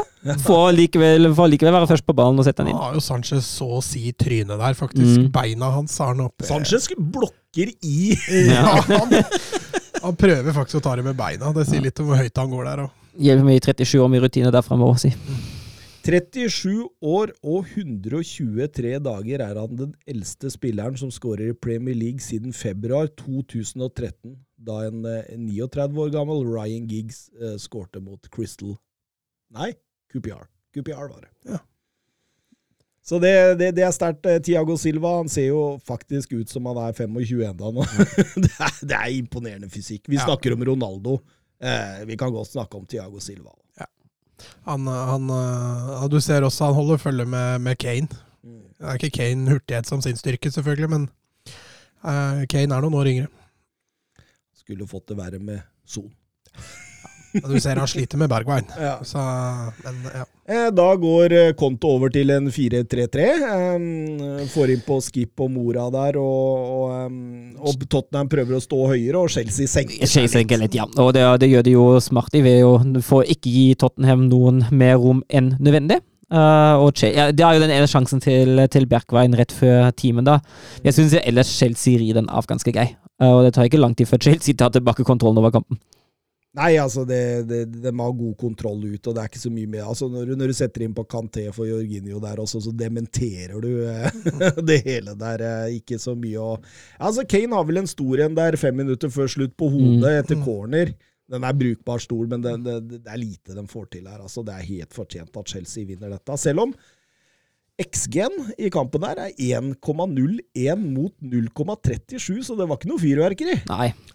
Det var ganske intens. Jeg syns Chelsea fremstår ganske solide i den kampen her, altså. Eh, som dere nevner der, eh, de legger om så fort Tottenham gjør disse byttene, så er det så tydelig at de legger om, og selv da så har de også ganske god kontroll. Så Chelsea i flyt, det har vi sett tidligere i år, at det er veldig veldig bra. Så hvis de bare får i gang dette her igjen nå, så, så vil de uh, sikre den tredjeplassen, i hvert fall. et vesentlig bedre lag de har ut på matta nå enn de hadde for eksempel i stort sett hele desember. Ja, ja, ja, selvfølgelig. Og så ser du jo den benken de har. Altså, Tottenham også er et ganske bra lag, men eh, altså, Han kaster vel innpå Kanté og, og Nigis der, men han har, han har altså Pulisic, Werner og Havert som ubenytta reserve, liksom. Så han har en del strengere å spille på. German Ginas, eh, for å komme tilbake til han, satt jo i Match of the Day-studio og mente Conte bomma grovt på taktikken. Eh, Ginas var skuffet over hvor lite Tottenham risikerte, og at de aldri Altså, grunnen til at Chelsea hadde så god kontroll, var at Tottenham hadde for mye respekt, og, og, og ga dem rett og slett for mye spillerom. Jeg kan være enig i det. Og så tenker jeg også altså, Conte har jo lyst til å få til sitt 3-4-3 eller 3-5-2, eller variere litt med det. Og jeg skjønner jo litt hvorfor han gjør det, særlig med de ligacupkampene i bakhodet. da. Jeg har jo forståelse for hvorfor han tar hensyn. Men jeg tenker på, altså, Hadde det ikke vært bedre å heller prøve å pirke inn hovedformasjon og hovedmønstre i spillet mot en sånn motstander, enn å plutselig snu opp ned på det hele? Jeg kan også forstå litt Conte sin inngang. Ja. Det er klart han bommer jo Altså Første gangen er jo, bortsett fra frispillinga til Tottenham, som er ordentlig under hardt press, så, så har de jo OK kontroll i første gang. Jeg syns de treffer bra i første gang. Så er det et drømmetreff, og så er det Ja, så er det jo altså, Det de kanskje gjør feil, det er jo det, at de ikke lager frispark på Hudson Odoi i forkant. At den pasningen fram til Siertz aldri skulle blitt slått. Han går jo over halve banen der, ikke Hudson Odoi. Så der bommer de. Og det også frisparket, selvfølgelig. Det er jo det er sagt en million ganger. altså Det er mer etablert forsvar enn det blir det jo ikke. Så det er jo en ordentlig, ordentlig skrell. Men Um, så kan man jo si da, si det på andre måten, hvis Tottenham hadde risikert mer gjennom hele matchen, hadde de da bare tapt 2-0, eller hadde det blitt styggere? Eller hadde de fått til mer? Det blir jo veldig hypotetisk. Og så er det jo Altså, det er jo ikke lett. Altså, Stamford Bridge det er marerittbanen til Tottenham. Altså, På de siste 31 kampene på Stamford Bridge har Tottenham vunnet én gang. Oi, såpass, ja. Og eh, det var i april 2018, og eh, manager for Chelsea da var Conte. Selvfølgelig. Men uh, i starten av matchen så tenkte jeg tilbake på det oppgjøret i 2018, var det det? Når, det ble så inn, når Tottenham ble nummer to. Ja, det var Nei, 2016 var det. 2016, ja. Ja, fy fader. For det var litt på vei dit en periode med litt gule kort og litt stygge taklinger, og du hadde du hadde den til Dockerty der, og, nei, det var, men de fikk roa seg litt. Men det er liksom North Do London Derby Light dette har blitt. De har, eh, det, altså det lille hatet der har eh, vokst seg sterkere og sterkere. Eh, også rivaleri gjennom supportere, men også spillere. Så. Eh, banens beste. Ja, eh, jeg gir tre til eh, Hakem Sier, Uh, som er banens beste spiller. Uh, Det er beste kampen han- jeg tror faktisk jeg har sett han i Chelsea. Ja. Enig. Uh, to til Mason Mount. Eh, super, altså, fantastisk å se i samspill med Sier, også viktig, viktig for det Chelsea gjør offensivt. Og så gir jeg én til Thiago Silva. Rutinert bakover, solid kamp, skåra 2-0. Ja, jeg kan jo for så vidt være enig. Jeg har tatt med Rydiger, jeg, da. Eh, Jeg syns han er Fy faen, for en spiller, og for en drittsekk. Han går rundt og gliser i bakgrunnen. og der. du ser han terger mot spillere, og han bare lager kvalm. Men så har du den tingen som fans Du ser det løpet han tar. Han vinner ballen, setter i gang, og så går han på overlap. Da har det gått 70 minutter av matchen, eller noe sånt. Uh, men uh, men uh, ja, nei, så jeg syns Rudiger også fortjener en stjerne. Jeg har eh, samme lista som Søren. Eh, Eksakt likt. Og det, jeg syns Silva var ganske Altså, jeg sto litt mellom Search og Mount. Hvem er best av de to? Det, jeg, jeg klarte ikke helt å bestemme meg. Det kunne fort blitt Mount. Mount syns jeg har vært fantastisk. Han har vært litt ute av form. Ja, mye skada, da. Og komme tilbake nå ser jo tilbake ut. Ehm, La Liga, Mats. Oh yeah. Ja cap a la dreta per Xavi, assistència de Xavi més cap a la dreta per Messi, Messi, Messi, Messi, Messi, Messi, Messi, Messi, immens Messi, encara Messi, encara Messi, encara Messi, encara Messi, encara Messi, encara Messi, encara Messi, encara Messi, encara Messi, encara Messi, encara Messi, encara Messi, gol, gol, gol, gol, gol, gol, gol, gol, gol, gol, gol, gol, gol, gol, gol, gol, gol, gol, gol,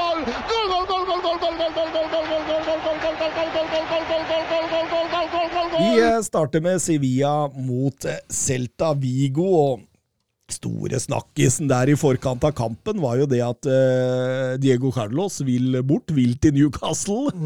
Eh, var likevel i elveren der, og uh, Det var litt sånn Hols Condé-feeling når Chelsea Altså Her er det en spiller som har veldig lyst til å, å, å dra, og så står klubben beinhardt på krava.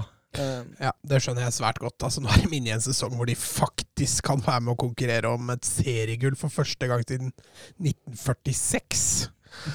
Og så skal da stopper, kanskje den fremste stopperen din, vil vekk til en nedrykksjagende Newcastle. Uh, I den grad man kan kalle det det. Nedrykksjagende. Det, det er bra. Uh, så jeg syns, jeg syns jo også det Altså, jeg forstår Diego Carlo. Altså, Premier League er liksom nummer én. Du tjener kanskje litt mer. Du, du kommer kanskje til den beste ligaen. Eh, men, men timingen er jo helt feil. Helt feil. Er under én uke før overgangsvinduet stenger, så vil du da at klubben du spiller for, skal ut og finne en ny stopper nummer én, og har én uke på seg å gjøre det. Aldri i verden. om I- Og i, særlig i vintervinduet. ja, Enda bedre. altså, jeg hadde helt, helt riktig av Sevilla å nekte det der. Eh, skal Newcastle ha Carlos, så må de betale utkjøpsklausul. Ferdig snakka. Eh, sånn hadde i hvert fall jeg gjort det hvis jeg hadde vært Monchi. Det tror jeg det også blir. Eh, Sevilla best i gang. Anført av meget god Jesus Corona der, som kom fra Porto i, i denne måneden. Og en tidlig stressa Eduardo Codé der med, med kjærlighet på pinne. Jeg syns den var fin, jeg. Er Litt rart, da. De fleste klubber prøver å styre unna korona, men eh, Ja, men, men, men, Sevilla kjøpte, kjøpte så mye de kunne. men, Ja. men, men kjærlighet på pinne, har du noen kommentar til det? Ja? Det, det er spesielt som manager å fly rundt med. Ja, det er nytt. Det var lørdag, si. Ja, det var det. Nei, altså her er det jo gavepakker på gavepakker, som du sier. Sevilla tar jo initiativet tidlig og går faktisk litt uh, hardt ut der. Det er ikke noe Sevilla var jo kraftig redusert, da har jo spillere i Afrikamesterskap og, og flere skader, så de, de stilte jo ikke sitt sterk, sterkeste mannskap. Men uh, gikk litt respektløst til verks. Men uh, Sevilla ga jo bort den ene gavepakka etter den andre. Ja, herregud. Fordi det Mot spillets gang så er det Franco Servi som setter 0-1. Det er en horribel ho- heading av Akunya bakover deg, som, eh, som åpner vel av den tre mot to eller fire mot tre overgangssituasjonen for, for uh, Celta. Det er, det, det er det første de skaper. De skaper jo ingenting fram til deg. Ja, den, X- men XG-en på den er ganske stor. Ja, den er det, Der fordi har det vi er jo jo først dob- en- dobbelt sjansen. ja. Ja, Dimitrovic redder jo den første, første Ja. bra, men Og så får den eh, mellom beina i andre der. Og så syns jeg den- den 0-2-invitasjonen den er jo enda verre. For da Ja. kan Akonya ha mistima heading. Uh, det balltapet deg i frispillingsfase Mm. er helt katastrofe. Og rett opp til Aspas, som er eh, Aspas uh, Som bare er Aspas der. Og vender opp og stresser ikke i det hele tatt. Altså, du ser han all, all verdens tid, uh, selv om Carlos gjør også en svak Ja, forsvarsjobb. ja, han, han legger seg Altså, han tar jo ut meter. Ja. Selv om Aspas står rolig. Ja. Det er jo der feil. Men Ja. det at Aspas da bare er tålmodig, han setter ikke fart.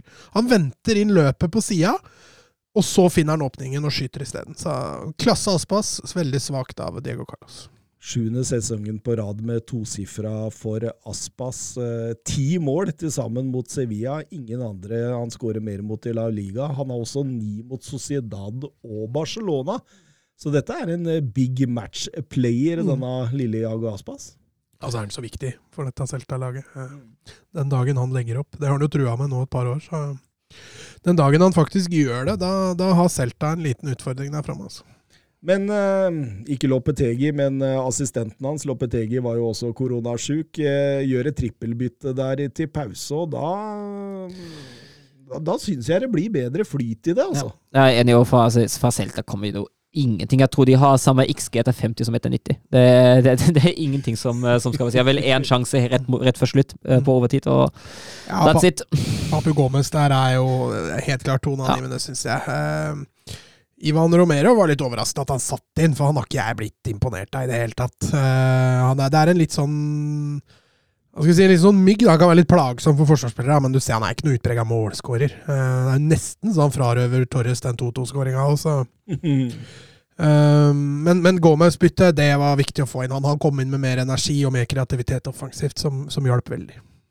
Og så, Vi har jo skrytt tidligere av Sevilla-supportere her, men eh, Fælt å pipe på dem. Altså, det, altså, de hadde gjort en brukbar førsteomgang. Det var to store personlige feil eh, som var grunnen til at de havna under, og de fortsatte å male Ja. på og var brukbare, og så driver publikum og piper etter Ja, altså, 70 minutter. altså, det det- jeg, Den er hard! Altså, det er ikke et lag som ligger i nedrykkstid, et lag som ligger på andreplass, så unnskyld meg, da. Mm. Hadde, jeg skjønt det hvis de lå, og lå an til å tape enda en kamp. Eh, Vi skal jo til et lag som taper etter kamp etter kamp etter kamp nå, så etter hvert så kan det være Wolfsburg? Ja, det kan nok være det. Men da, da, da, da forstår man at, at tålmodigheten er tynnslitt. Uh, men man forstår det ikke når situasjonen da fremstår seg som i Sevilla. Nei, dem, dem ligger jo godt an. da. Så jeg er enig med deg at det her bare backes mer. Men det er klart, Frustrasjonen er vel mer på det at nå, nå ser de at de har en mulighet, og da ryker for Celta hjemme. Det tror jeg nok føles eh, bittert. Men eh, Papu Gomez og Oliver Torres, de, de, ser- altså de, om ikke snur det, så i hvert fall eh, utligner de det i eh, løpet av tre minutter. Ja, en fantastisk prestasjon av Papu Gomez. Får ballen ut bredt der og drar seg inn i beste Messi-stil og klinker den opp i motsatt, eh, motsatt kryss. 2-2-gålen. Eh, veldig bra spill av Sevilla i forkant. Eh, får til to avslutninger der før ballen lander hos eh, Torres, som tupper den i hjørnet. Ivan Romero står på streken. uh, et skikkelig rasshøl av en dommer der tror jeg kunne annullert den. Mm. Men han, altså, jeg er enig i at den blir stående, for Romero gjør jo ingen verdens ting. Ja, det er for så vidt greit. Han er ikke i veien for Nei, keeperen heller, men ingenting. han er på vei ut. Så hadde han bare fått tatt to skritt til, så hadde han antageligvis vært i veien for Mm. keeperen. Så Men jeg syns det er riktig at den står. ja, det er helt greit. Og det ender jo da eh, to, to, kun ett poeng hjemme mot Celta Vigo. Er jo ikke heldig for Sevilla på gulljakt, men den fikk jo litt uh, uventa hjelp eh, litt seinere i, eh, i denne runden. Så eh, sist eh, Sevilla kom tilbake etter å ha ligget to eh, mål under, var mot Eibar i februar 2019, så det er en stund siden. Og man skal helt tilbake til 2015. Sist Sevilla slapp inn to mål de siste ti minuttene av en førsteomgang. Og det var det Cristiano Ronaldo som gjorde med begge kasser for Real Madrid i sin tid. Eh, Selvfølgelig var det det. Vi går over til eh, Atletico Madrid mot eh, Valencia. Det var litt underholdning i La Liga denne gangen, Mats. Ja, det var litt propaganda, det var litt propaganda nå. Men her, men her altså Atletico Madrid er ubeseira mot Valencia på de siste 14.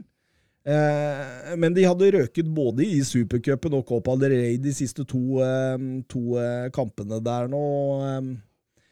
Eh, var nok litt sånn usikkerhet i forhold til de to kampene, tenker jeg, Mats. Ja, det kan godt hende. Og Atletico Simione sa jo det også i Når de tok, tok juleferie, at nå trenger gutta bare litt ferie, så kommer vi sterkere tilbake. Men Atletico har gått på noen smeller også i 2022, så usikkerheten eh, både hos fans og spillere er nok absolutt litt sånn tett oppunder. Valencia i en eh, 5-3-2 åpenbart stenge av og, og, og skal kontre på Atletico Madrid, og det mm, Diakaby, husker du vi slakta han? mm. Har blitt bedre, han. Ja da, ja da. ja da. Han, eh, han vokser seg ja, gjennom Altså, nå, nå slakta bli- vi ham for tre år siden, Ja. eller noe sånt. nå, Altså, det, Da var han fortsatt ganske ung. Han er fortsatt relativt ung. Men, eh. Husker fortsatt målet hans eh, mot Chelsea, var vel, eller var det Arsenal? I, ja, Arsenal. eh, hva tenker du om kampen, Søren? Var det, var Nei, jeg tenker jo altså at Atletico sliter jo voldsomt i første omgang med å skape noe som helst. Det er veldig mye ball, men uh, biter, seg, eh, fast, altså, biter seg tennene ut, kan man si, ved forsvaret til, uh, til Valencia. Skapes De jo biter tennene ut. Ja, så kan man si det. Eh, Er det tysk Ja, det er tysk uttrykk. Du, du var direkte Ja. oversatt. Drar det på tysk nå. eh, de sich an der Abwehr die Zähne ausbeißen. Det De uttrykket er- spiser seg ut, var det. Nei, de, de, bi- de biter ut tennene på forsvaret. Ok. Ja. Ja, Sier på- Bison, syns jeg du sa. Au, Beisen. Au, Beisen. beisen. Ja. Bison. Bit, Bison. biting. Det, det, det, det er noe annet. Ja. Eh, og De driter seg ut, var det.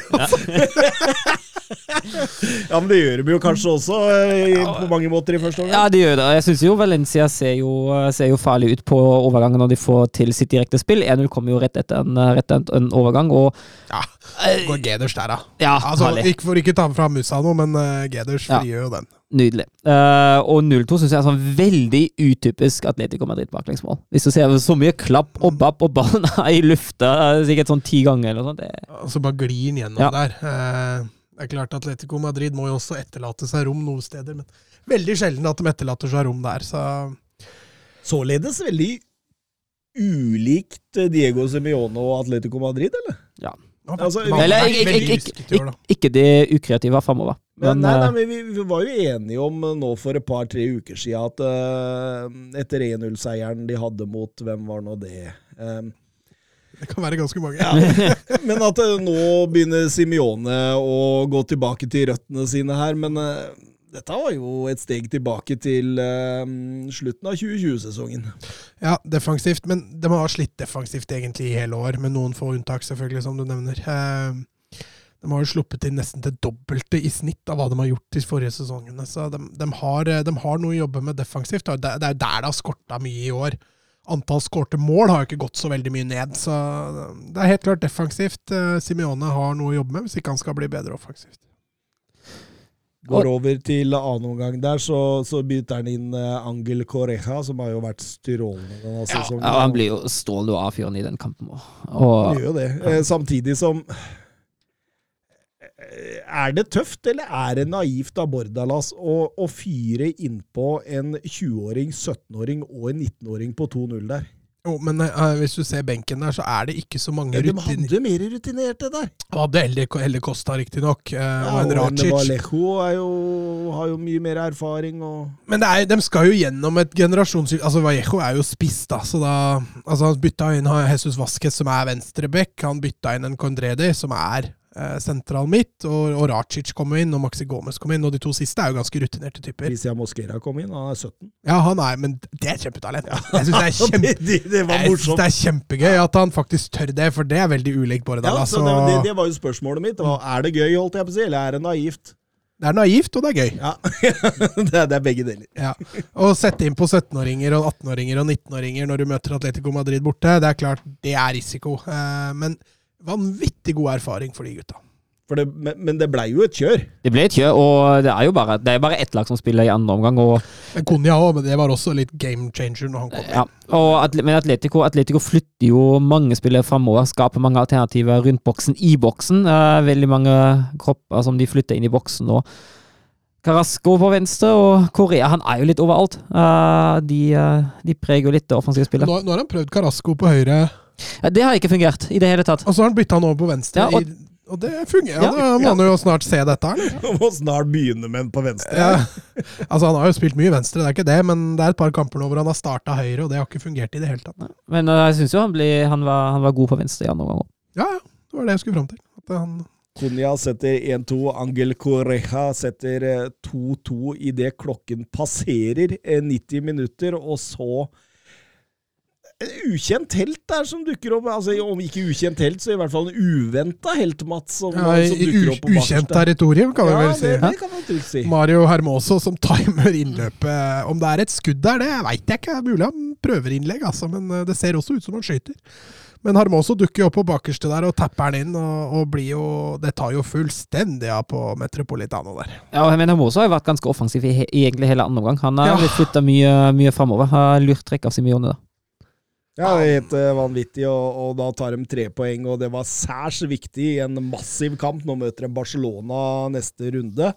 Så dette, dette var viktig i kampen for topp fire for, for dem. Og Ja, det betydde mye for Simione. Han, var- han begynte jo å gråte. Du så ja, det.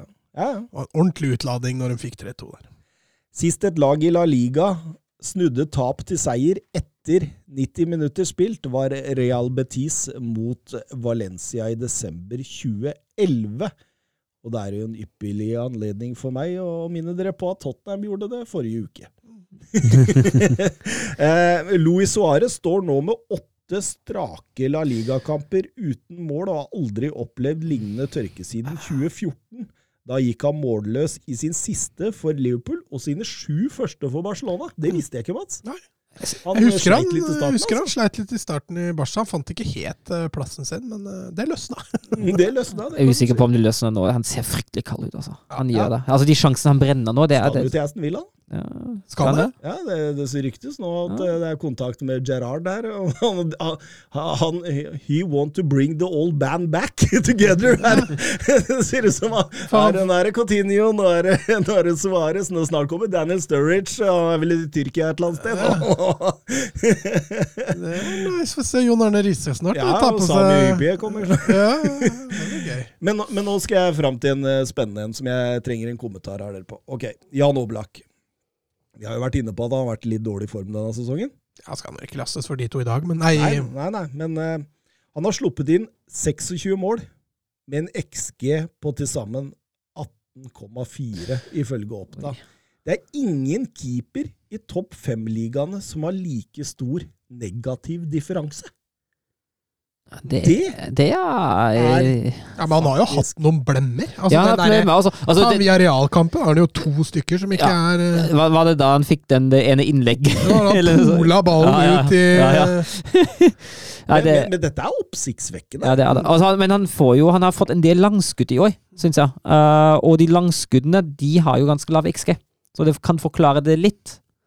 Men likevel. Men, det er fortsatt svak, svake tall, altså. Altså, Vi snakker jo om eh, vi, er For et halvt år siden så satt vi og snakka om eh, soleklart beste keeperen i verden. Og, og nå er Altså, vi, vi, her snakker vi jo ikke om at uh, de setter den i konkurranse med Alison, med, med Ter Stegen, med Noyer. De, de, de tar jo alle keepera i topp fem-ligaene. Mm. Og så er det han som på en måte har dårligst redningsprosent altså, Nei, ikke redningsprosent, det blir feil å si, men X-gen, ja. XG-en, altså negativ differanse på den. Det jeg, jeg, jeg, sjokkert. jeg ble sjokkert når jeg leste det. Jeg ble sjokkert, rett og slett. Og, og, fordi jeg har ikke følt han har vært så svak. Jeg har følt at han ikke har vært Oblak god, Mm. hvis du skjønner. Men eh, nei, den, eh, den, eh, den reagerte jeg på. En annen ting jeg reagerte på, det var Real Madrid mot Elche. Og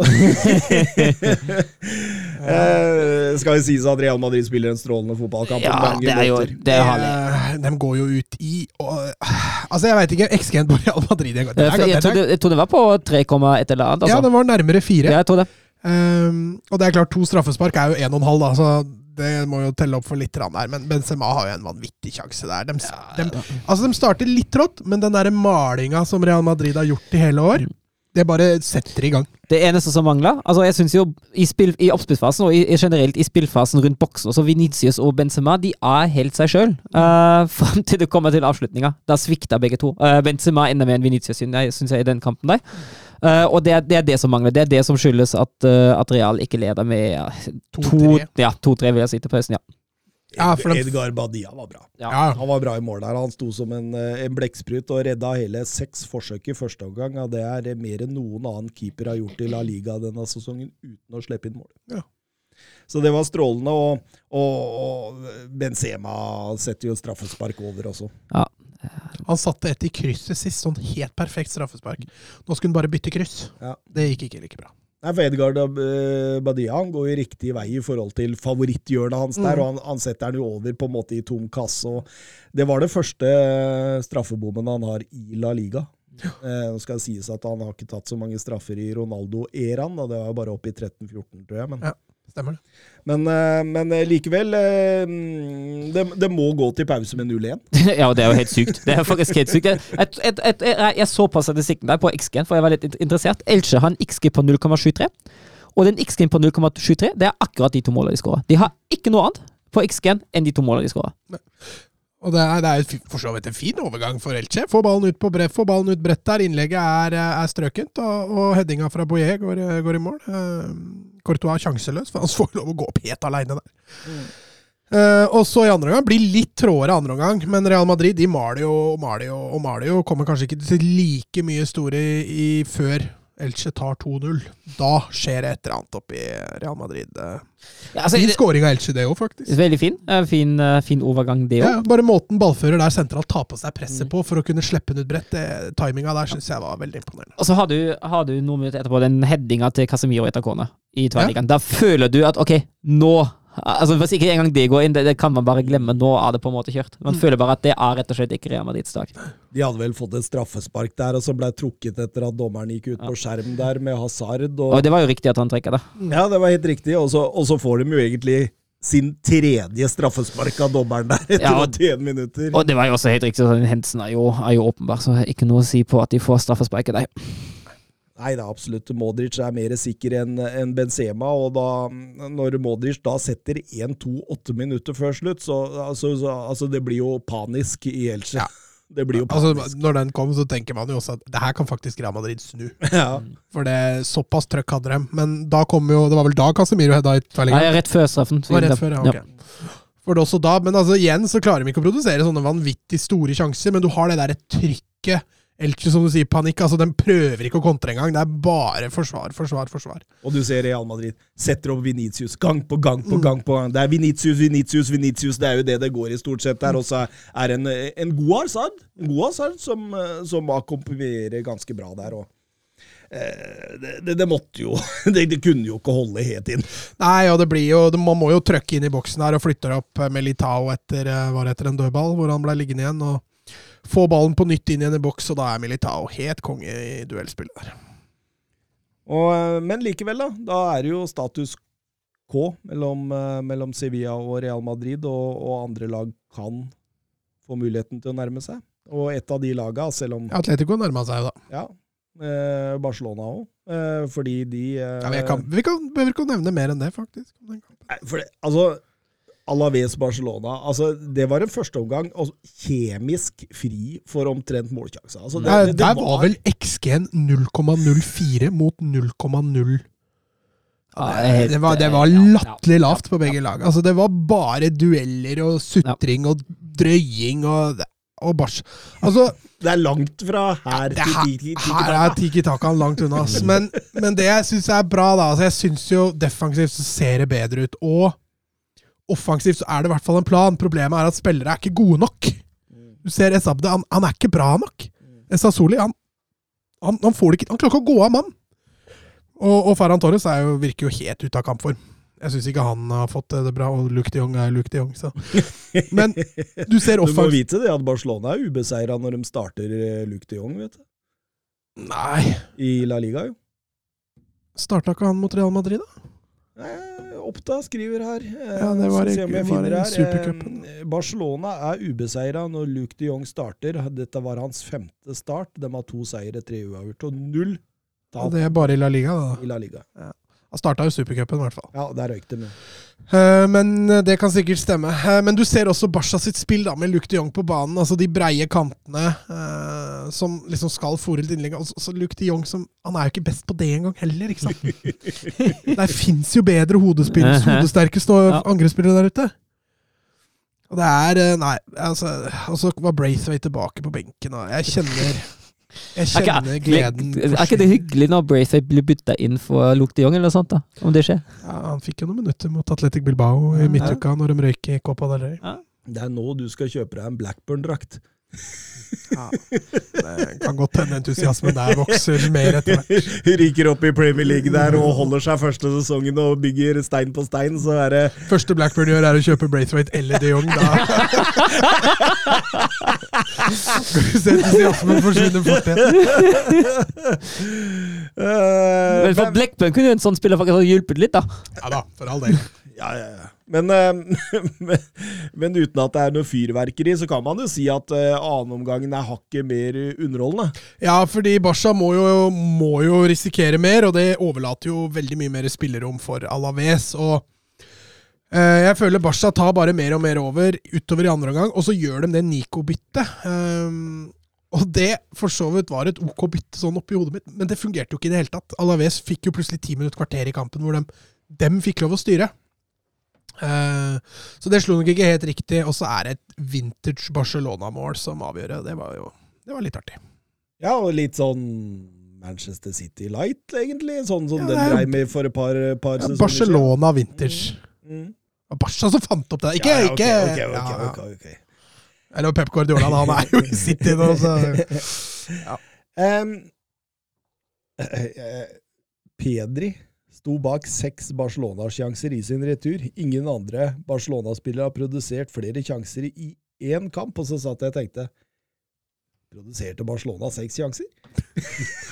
Ja, Kanskje avslutninga. Har ikke Messi produsert mer enn det i løpet av en kamp, heller? Ja, men i denne sesongen. Ja, ok. Ja, nei, da har ikke Messi gjort det. da. det er. Men, men, men litt artig, da, fordi i denne første omgangen så hadde Piquet og Arajo flere pasninger enn Alaves. Ja, men Barca hadde mye ball.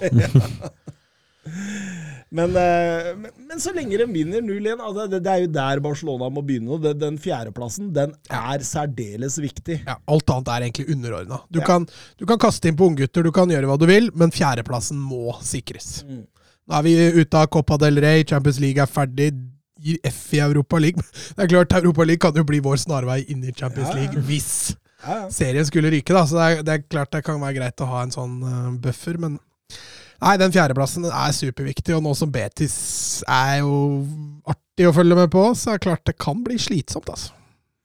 Det blir meget, meget spennende. Skal vi ta eh, Vi fikk jo et sånt spørsmål. eh, Blir United topp fire? Skal vi, ja eller nei? Skal vi ta det om Barcelona? Eh, Mats? Eh, United blir ikke topp fire. Barcelona blir topp fire. Der tipper jeg litt med hjertet. Da. Å, jeg har lyst til å tippe litt med hjertet og si ja. Jeg tipper med hodet og sier ja. Eh, vi går over til Bundesliga. Er macht ein richtig gutes Spiel. Jan Schimonek. Die Wolfsburger lassen so gut wie nichts zu. Grafit. Grafit gegen Lell. Jetzt wird's eine Demütigung. Guckt euch das an. Bist du verrückt? Bist du verrückt? Tor des Jahres. Die Bayern der Lächerlichkeit preisgegeben. Og hvis det var styr rundt eh, Diego Carlos, så var det i hvert fall styr rundt eh, Erling Braut Haaland og hva Ja, han sa vel i, i, i, i postmatch-intervjuet med Jan Åge. Jeg så jo Fjørtoft Ja, Ja, etter Freiburg-kampen. Ja, jeg så jo, det var jo morsomt den posten eh, Nisselue på, eh, posta på, på Twitter at Fjørtoft han lukta at det kommer noe transfersnisk der. Og så går han over til engelsk, og han bare nei. Akkurat som om ikke verden hadde fått med seg det, Ja. selv om han sa det på norsk. Ja, men Det- jeg, tror- jeg, tror, det- jeg tror det handler om at kanskje Fjørtoft sjøl, som Nisselue på skriver skrive det, har lyst til å gå viral. Ja, ja, ja, ja. Fordi dette er her Ja, og det, altså, det, det, er jo å skyte klubben med kanon, Ja, Mats, og å si dette etter Men, men, men rett, si det en gang til, det han sa. Eh, Han, han, altså, Ordrett vei det. Man, men, man sier sier jo det at han er pressa av klubben til å ta en beslutning vedrørende hans fremtid nå. At det går, altså Legger mellom linjene da, at det går litt utover eh, fotballen og det som skjer på banen. og at eh, Han kan ikke skjønne hvorfor klubben driver på med dette her nå, for alt han vil er å spille fotball. ja, og klubben har jo svart umiddelbart at dette kjenner de seg ikke igjen i i det hele tatt. De skjønner ikke hva han snakker om. De mener at de ikke har slagt press på ham i det hele tatt. Og det, og, og, og, det, og det kan jo godt hende klubben føler, men åpenbart så føler jo Haaland dette. Ellers så Ja, ellers, eller, ellers så har du, du har jo du har en viss agent i bakgrunnen der også. Det, det, må, jo, det må jo beregnes, det òg. hei, Haaland. Jeg skal ikke ta noe italiensk her nå. Men det, det, det, må jo, det må jo tas litt i beregning, det òg. At man sitter der med en agent som man veit er litt, eh, litt flink på Ja, altså, du tror det er Mino Raiola som kan, kan altså det, tror det fort kan være det, i hvert fall til tider. I hvert fall delvis. Det kan hende at, eh, at Branjola tok eventuelt en liten kommentar fra klubben, eller en, en samtale med klubben, som utgangspunkt til at dette har bruker vi som anledning nå. Uh, jeg, altså Ut ifra hvordan Ranjola har oppført seg tidligere, hadde jeg ikke vært overraska. Ok, liksom. Prøv å skaffe en konflikt innad i klubben, og så har jeg en klubb nå som allerede kan eh, punge ut noen millioner for deg i vinter. Og så prøver vi, og så ser vi hvordan dette går. Tror du det kan være noe med det? Altså, da, ba, eh, Dortmund ute av Champions League ja, altså her Han får ikke Du- spille du- Champions League for noen andre klubber, gjør det? Jo, det gjør han. du, du, du, skal bare, du skal bare spille om annenplassen i Bundesliga nå, skal vi gidde dette? Er det er, er, er, det, er det det, Mats? Nei. Nei, ikke, ikke nå, men altså, jeg kan fortsatt tenke meg at, eh, at det handler kanskje om sommeren nå. Jeg tror eh, Det kan nok hende at Erling Braut Haaland føler seg pressa. Det, det kan godt hende. Og at ting har vært misforstått, og at eh, du har en agent som gjør det han kan for å skape litt blest. Men jeg tror Når Erling Braut Haaland går på en fotballbane, så tror jeg han bare ønsker å skåre mål. Jeg tror han ikke bryr seg noe om det som skjer rundt. Jeg tror han blir veldig fokusert. Så at det er et eller annet der som tar fokus, det har det nok eh, kanskje vært. Nå ble han jo skada, da, så vi får se. Eller, har du hørt noe hvor lenge han ble ute? Nei, jeg har sjekka på, sjekket på søndag ettermiddag. Da var ikke diagnosen klar. Så har jeg faktisk ikke fått sjekka nå de, den siste tida. Eh, apropos det, Didrik Tofte Nilsen. Mye skader på Haaland nå. Kan dette virke, påvirke pris og interesse? Eh, ikke nå, tror jeg. Eh, men jeg har vært, vi har hatt en liten diskusjon nå, eh, og jeg mener jo at, eh, at det er en fordel å ikke være skada så mye. Jeg mener jo at det trekker litt ned å være så skadeplaga som Haaland er allerede i litt unge år. Ja, selvfølgelig. På. Altså, det er som du sier, da, dette må jo vi gjennomgå flere ganger for at det skal påvirke, tror jeg. Men eh, han er på vei et sted nå som ikke er bra. Altså. Ja, det, det, det har blitt mye sånne Småting. Ja, sånn en, tre fort- uker der, Ja. to uker der. Kom han jo fort tilbake igjen fra forrige skade, da, hvor det var antatt at han ikke skulle komme tilbake igjen før ut på nyår, og så plutselig dukka han opp midt i, nei, i starten av desember. Og ny skade igjen nå. Ikke bra. Og så må Dortmund ta sitt del av ansvaret, da. Og så matche han mer forsiktig. Og så rett og slett bare holde han igjen. Det er klart, det sk sk hører vel ikke godt i Haaland sine øyne. Nei, det gjør nok ikke det. Og man ser jo hva som skjer med Ansu Fati nå. Ja, det var litt det glemte jeg å si i stad. Det er jo fryktelig synd måtte ut igjen nå. Igjen, da. Jeg, eh, jeg sitter jo og syns det er fryktelig synd at klubben ikke kan ha mer tålmodighet. Han er jo åpenbart uh, skjør nå. Ikke bra nok treningsgrunnlag. eh, og da begynne å kaste han i viktige kamper. og Spilte jo også overtid i supercupen der, og Nei. eh, er ikke bra drift av uh, skadeplaga spillere, så han håper jeg de bare gir mye tid. Men Dortmund, da.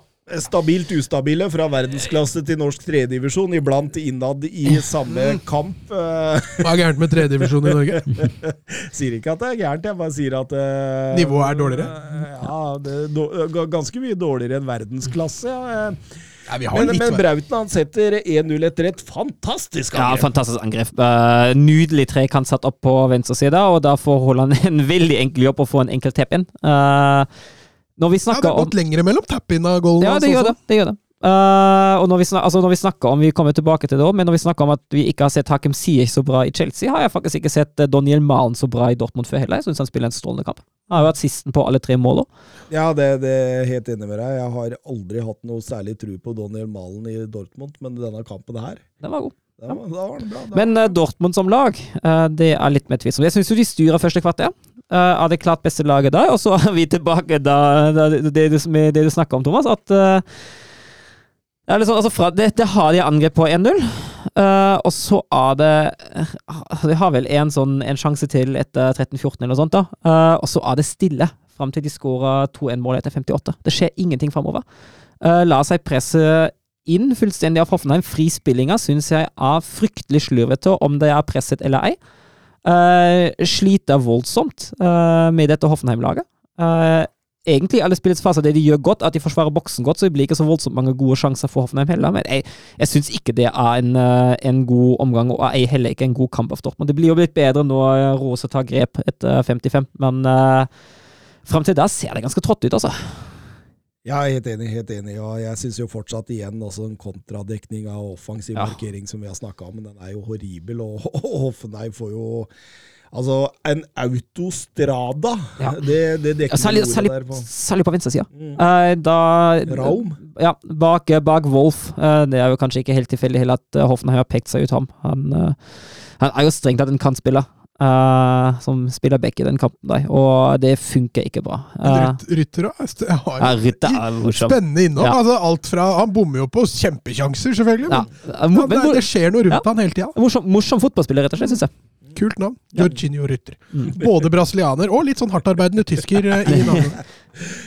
Men eh, svært fortjent når Hoffenheim setter 1-1 der før pause, og det er som du sier, Søren, at eh, det er jo eh, Det er vel eh, etter rundt eh, sju-åtte minutter av annen omgang hvor, eh, hvor Råse finner ut at her må vi gjøre noe. Hvis ikke, hvis ikke så taper vi, og da går han over til en tre bak og speiler egentlig formasjonen til Hoffenheim. Ja, han gjør det. Han bytter inn Azar og Sagadou for Wolf og Brandt. Brandt fryktelig skuffende også i, i midtbanen i den kampen, syns jeg.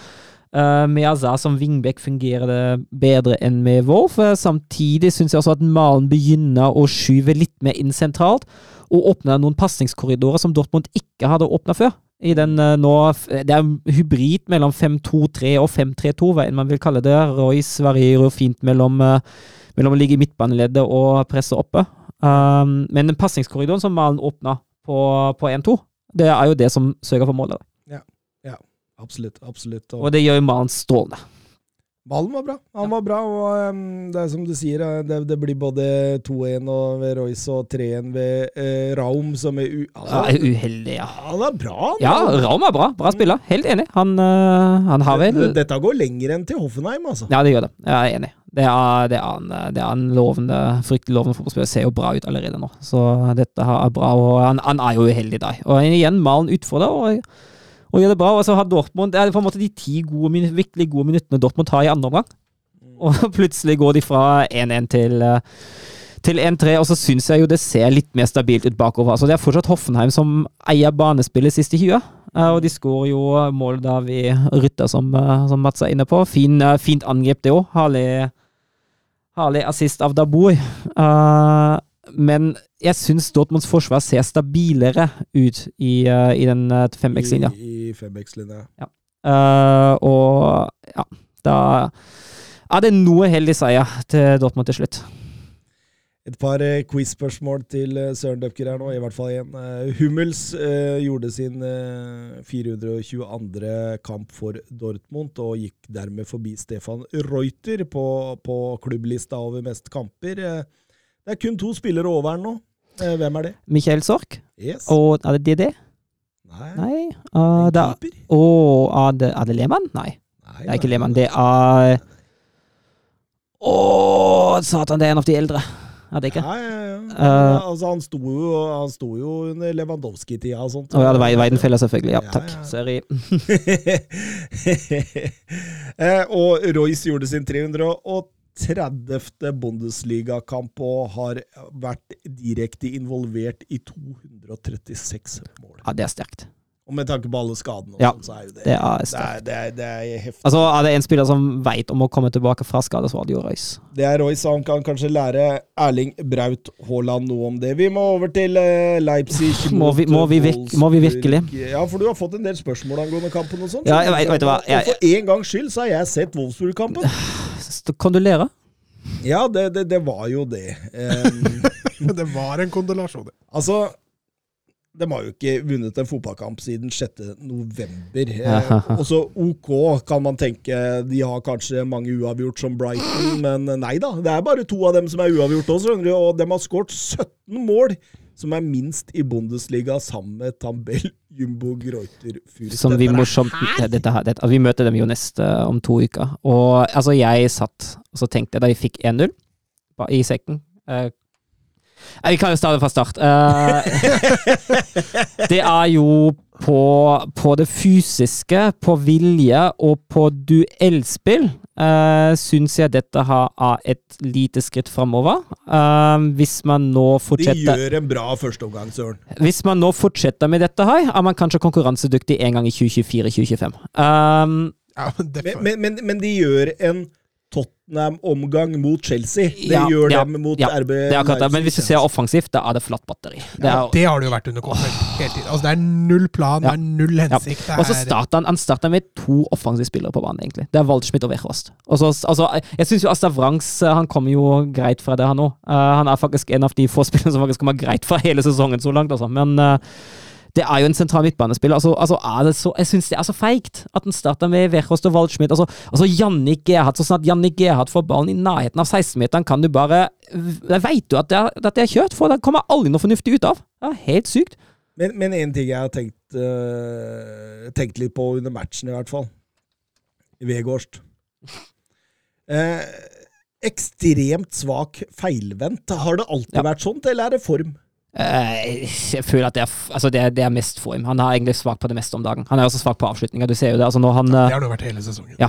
Han, jeg, jeg, sa- husker jeg satt jo første kamp mot Borum, eh, da vi vant 1-0 under Mark von Bommel. Da satt, jeg her i stua etterpå og sa at Wechost må jobbe med avslutninger. Dette her er langt unna det nivået som eh, Ja, men Som det har vært forrige sesong, men- altså, de, de bruker den jo som et oppspillspunkt i første omgang. Ja, nei, han det slår jo bort ni av ti baller. Ja, nei, altså, ja, det, og han har jo svakheter i, i.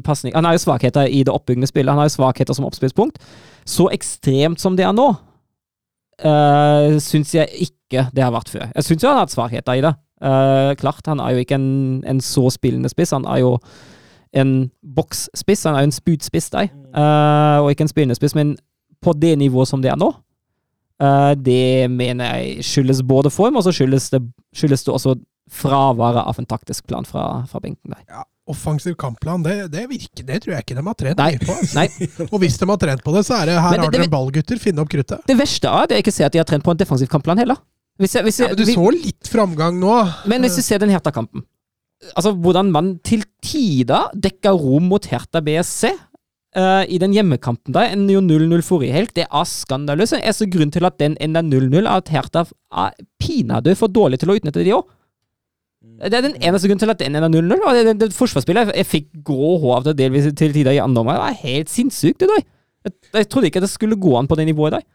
Nei, men, men, men samtidig, RB Leipzig de er ikke noe særlig mye bedre Nei. før Dominic Tedesco gjør det trippelbyttet og får inn Dani Olmo. Ja. Da skjer det ting. Ja, enig. Men da, da skjer det også. Og da, da tar jo Leipzig over kontrollen over kampen. Altså, det var jo først Jeg har vært inne på det at forholdsvis jevnt, og mot slutten av første omgang kommer Wolfsburg litt. Har jo en sånn trippelsjanse da. Den ene sjansen Wolfsburg har i hele kampen, er jo den trippelsjansen der mot slutten. Um, men i det om å komme uh, har egentlig midtbanen til Wolfsburg er de borte. Det er fullstendig Adams også. Jeg syns Adams gjør det, gjør det bra i det defensive når han blir bytta inn der. Uh, vinner igjen uh, mange baller.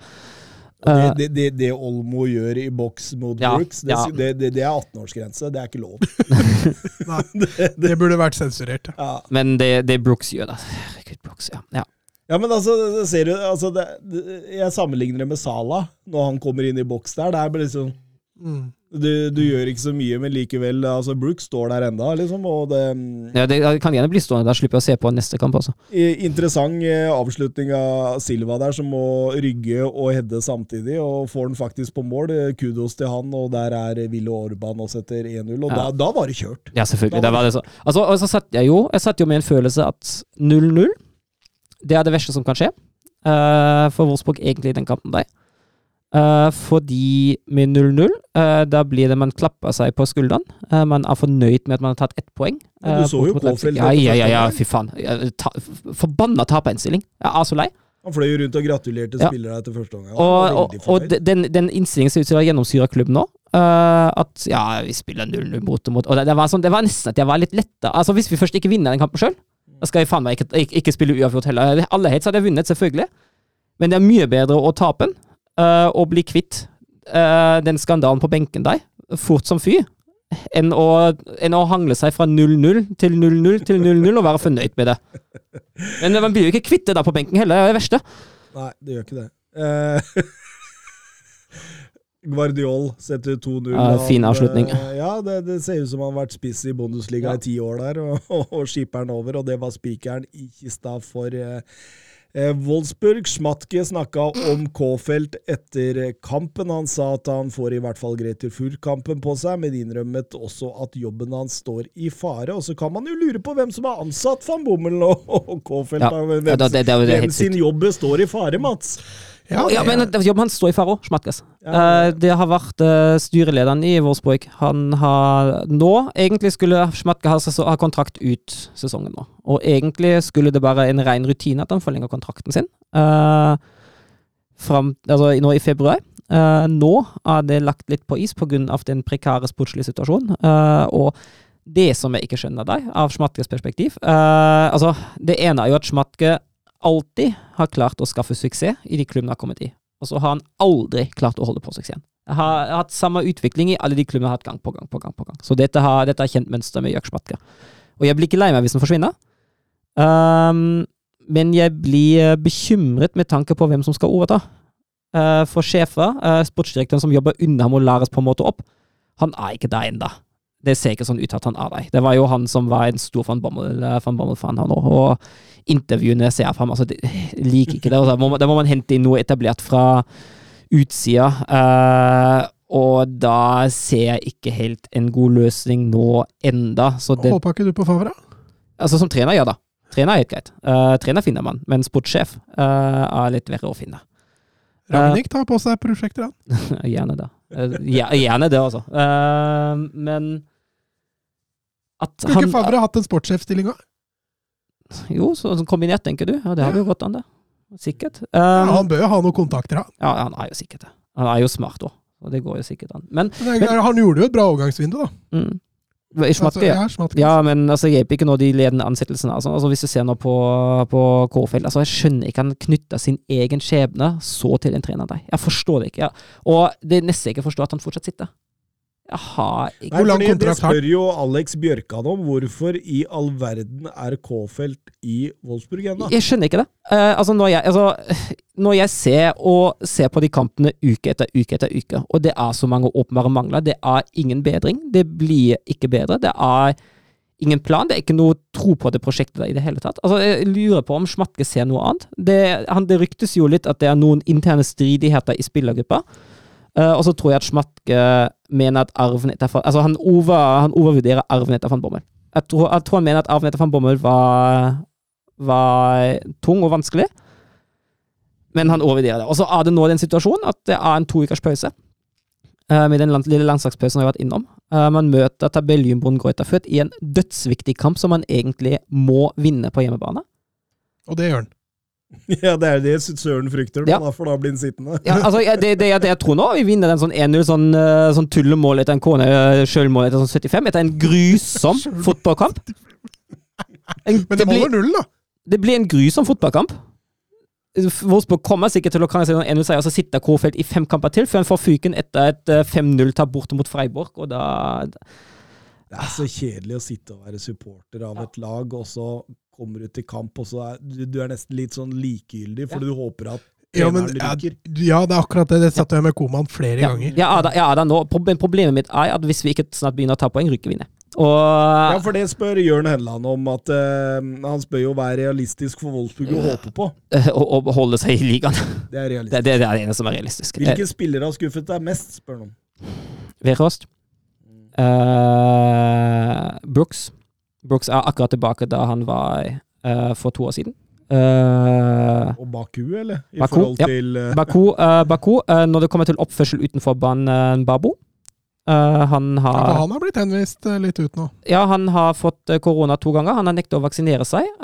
og på hver eneste bortekamp måtte klubben ekstra tilrettelegge for Baku. Han måtte på, et annet, eh, på Babo. Han måtte til tider på et annet hotell. Han fikk ikke spise med laget og alt det der. Fryktelig, fryktelig unødvendig, rett og slett. Uh, Gerhard. Helt katastrofe. Helt flatt batteri. Uh, som jeg sa, når han har ballen, uh, har ballen i nærheten av boksen, kan du egentlig bare gjøre noe annet, for dette blir aldri noe av. Uh, Waldschmidt. uh, katastrofal overgang. Eh, ikke i nærheten av det jeg hadde forhåpet av ham. Philip, siden han eh, ble fast nå til, eh, til forrige sommer. Svak, svak, svak. Eh, jeg kan fortsette. Lacroix. eh, ikke i nærheten av å bekrefte den, eh, den sesongen han har hatt. Når er Slager tilbake? Har jo røyker korsbåndet, så det tar jo litt tid, det. Ja. Det er ikke bare én som har skuffa deg, med. Nei. Arnold. Uh, ikke i nærheten av å være den, den leder. eh, Kan gå gjennom tropplista, så kan jeg heller krysse av de to-tre som ikke har skuffa. Hvem er det, ja? To-tre, må du leite dypt. tre, cirka tre. Uh, men no, altså Castells har ikke vært i samme form som han har vært sist heller. Så han har skuffa, han òg. Nei, ikke nødvendigvis. Han er litt glad i Castells. Jeg liker, jeg liker Castells. Uh, han har ikke vært i samme form, uh, men jeg, jeg vil ikke trekke inn Castells som de største skuffelsene. Uh, de to som faktisk har positivt over tre, jeg kan ta tre, da. Det er Lucas Mecha, som faktisk har vist seg å være en habil spiss. Uh, Lillebroren Felix, som jeg syns bør spille mer, men med tanke på hvor feig Kofeld er, blir jo ikke det. Fordi jeg syns Felixen Mecha har vist eh, har vist noen positive ting som man kan bygge videre på. Litt sånn ubekymrethet. eh, litt sånn litt sånn Ulrik Mathisen-slepen spillestil. Uh, så det har jeg egentlig lyst til å se litt mer av, istedenfor det samme, samme fæle av Waldschmidt og Philip. Og så Asta Franks, 19 år. Uh, prøver å ta ansvar. Prøver uh, så godt han kan. Eh, veldig vanskelig for en 19-åring, men jeg er en av de som virkelig prøver å gå foran i dette laget. Der. Så Lacroix har også gått litt tilbake igjen, altså. Ja, den, han er, han, altså han er utvist, det var to utvisninger og tre straffer han har laget så langt inn, så jeg er ikke i nærheten av å være god nok, altså. Hertha Berlin, Bayern München ja, tok- Tøff, tøff debut. Mari Bjørkan, altså. Tøff debut, men eh, du, du, tok, du tok stikkordet 'ikke god nok'. For det, det Hertha presterer da, altså herregud. Altså Bayern er jo, er jo i spillehumør, eh, for all del. Uh, det, det er trykk i nesten 90 Ja, minutter, ja. dette her. Det er, det er nydelig. Altså, og det Bayern, det Bayern gjør, det er jo, det er jo ekstraklasse. Det er jo fantastisk gøy å se på. Uh, kom, han kommer jo dit egentlig uten bekke. Han kommer jo dit med en tre... Eller, han kommer dit med en trevektslinje. Og så, noen bekker av Tottenham, da? Ja, det, var, Ja. det var mange. og så kommer han da med vingbekkene, Kommer og Gnabry. Mm. Eh, og så bare kjøres det på fra start til slutt. Eller som kommentatoren sa, de spiller jo uten høyrebekk, jo. da lo jeg. Kimmich var litt tilbake igjen nå. Kimmich var, Kimmich var tilbake på, på sitt vanlige, Ja, jeg syns nå jeg. var den, nå var den bra. Men, eh, men, men altså det var jo ikke uventa. Nagelsmann har aldri tapt mot Hertha Berlin i sin karriere, og Lewandowski har alene to mål mer enn hele Hertha Berlin så langt denne sesongen. Så altså, et favorittstempel her, og at det kom til å bli tøft, det visste man jo. Ja. og, og, og, og tøft blei det. Altså det. Det er jo bare egentlig utrolig at de holder en sånn viss spenning over dette i omtrent fram til pause. Ja, for altså, hvis vi snakker om XG, Bayern går vel av banen til slutt med en, eh, med en XG. Jeg skrev skrevet ned, faktisk. Eh, de, før pausen skaper de en XG på 2,79. Og i hele kampen går de av med en XG på 5,1. Og det er voldsomme tall! De får underbetalt, altså. Ja, og de vinner 4-1 og får underbetalt. Hertha går har en XG på 0,85 og 0,15 før pause. og det, det sier jo alt. Altså, Hertha finner jo ikke sted før pausen. og det jeg tenker da, hvis, altså hvis jeg hadde vært med Hertha hvis Bayern kommer i det laget altså Det er jo noen svakheter i den oppstillinga her, nemlig det defensive på Komma og Gnabry. At ikke Hertha prøver i hvert fall å utfordre litt mer bak deg, det forstår jeg ikke. For da er det potensielle muligheter. Ja, Du ser jo selv på 2-0, så slipper de jo ikke voldsomt Nei. opp. det. Det ser jo rett og slett ut som om de ikke Ja. våger. Altså, det, Men uh, samtidig, altså Pressing og gegenpressing til Bayern, det, det er enormt, altså. Den uh, Det er én feil de gjør før, før kampen er avgjort. Den ene overgangen på, på 0-2 nå, da Rida får den store sjansen etter 52. Men ellers, det så Dette har en oppvisning i hvordan man skal spille fotball. ja, det er helt, helt nydelig. Helt enig. Det er eh, Det er, det er kvalitet fra, fra i alle, alle linjer, rett og slett. Og det mm, Vi, Altså, vi, skal, vi skal som snakk diskutere Ja. de beste, og Ja. det, det, her kommer vi høyt. Men vi høyt. eh, Ja. altså den, de to kampene, da, for, for meg, når vi kommer dit, så sto det jo mellom Liverpool og Bayern om hvem som skulle være nummer to. Mm. Og de to kampene vi så i helga, det bikka det liksom litt, eh, litt den Ja, ene det- retningen Det var var kvalitetsforskjell. seg. Ingen tvil om det. Altså eh, Bayern har skåret 65 mål på 20 kamper denne sesongen. Eh, etter de vant 4-1 her eh, enkelt mot Hertha Berlin. Og hvis de fortsetter denne skåringsraten her ut sesongen, så har de 111 mål. Ja, det er helt sykt. Og, og vi, vi, vi kan jo fortsette å telle. Dette var Bayern München 67. strake Bundesliga-kamp med mål. og så og så kan vi jo nevne at altså, de skårer fire mål. Lewandowski ikke engang på skåringslisten. Ja, ja, ikke sant? Ikke sant? Det, Altså fire Jeg, jeg ble jo litt, eh, litt imponert, det skal jeg si, av uh, Tolisso. Eh, jeg syns han spiller en enorm god kamp. Har Eh, han vært bra siste kamp? Ja. Jeg syns også Ja. forrige kamp jeg så Bayern, Ja. at han var brukbar. er eh, altså, altså, altså, er det noe med forståelsen for de rommene han angriper òg? Jeg syns det, det er knallbra, det. Det Tolisso leverer nå. Altså, hvis han fortsetter på det nivået der. Nå har Bayern sagt at de ønsker å forlenge med ham, og med, den, eh, med de prestasjonene sist forstår jeg det. Fordi nå begynner han å bli et ekte alternativ, hvis han fortsetter sånn. altså. Deilig, deilig. Vi må over til Serie A. era il marcatore di Cannavaro. Palla tagliata, messa fuori, c'è Pirlo, Pirlo, Pirlo, ancora Pirlo di tacco, tiro, gol! Grosso, grosso! Gol di Grosso, gol di Grosso! Ja Inter, Venezia. Altså, altså Inter enorme favoritter mot dumpekandidat eh, Venezia. Venezia. Sa du dummekandidat? Dumpe. Dumpe. Dummekandidat. Dumme, dumme. Eh, Venezia uten seier på de siste åtte hadde enorm koronatrøbbel. Kasta sin vante juletreformasjon 3-4-3-2-1 og kjørte en ultradefensiv eh, 5-3-2. Eh, Det kunne gått bra, dette her. For Venezia, altså? Ja. ja.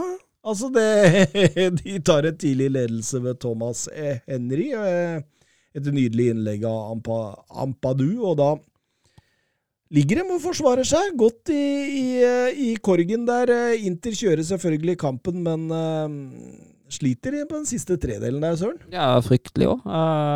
skaper jo virkelig ikke mange store sjanser. Uh, og altså Det er jo kvalitet til slutt at Barreia utligner til 1-1. Men Mm. det er jo altså, det, det er sånn cirka det første store de har etter 0-1, tror jeg. Hvis jeg ikke husker helt feil. Ja, altså, de, de har jo, ja, fordi de, de har jo 13 avslutninger, men det er bare det at de 13 avslutningene går jo litt i øst og vest. Ja. Det er jo ikke veldig store sjanser der. Eh, ender omgangen også med 72% ballinnehav, så det er, det, er, det er jo på mange måter ett lag på banen, men uh, Venetias parkerte buss den uh, står seg utover i omgangen, og, og det det er ikke Inter vi så i desember i dette, Mats. Nei, det er et lite steg tilbake. Eh, Det er ikke den samme turbofotballen. Og, eh, og det glir ikke like bra offensivt. Det er klart Et lag som ligger så lavt, så kompakt, uh, det er ikke lett det heller, altså. Men, men Inter burde kanskje var litt skuffende. Det var, det var en liten nedtur. Banens beste, Hakan Shalanoglu. Uh, for en spiller han har vokst seg til å bli i Simone. Ja, Men den Inzaghi. indreløperposisjongreiene til Simione, det passer han. Den tierrollen var også bra i Milan, men den indreløperrollen han har fått, det virker som han blir mer på ball da, i Inter. Det passer den mye bedre.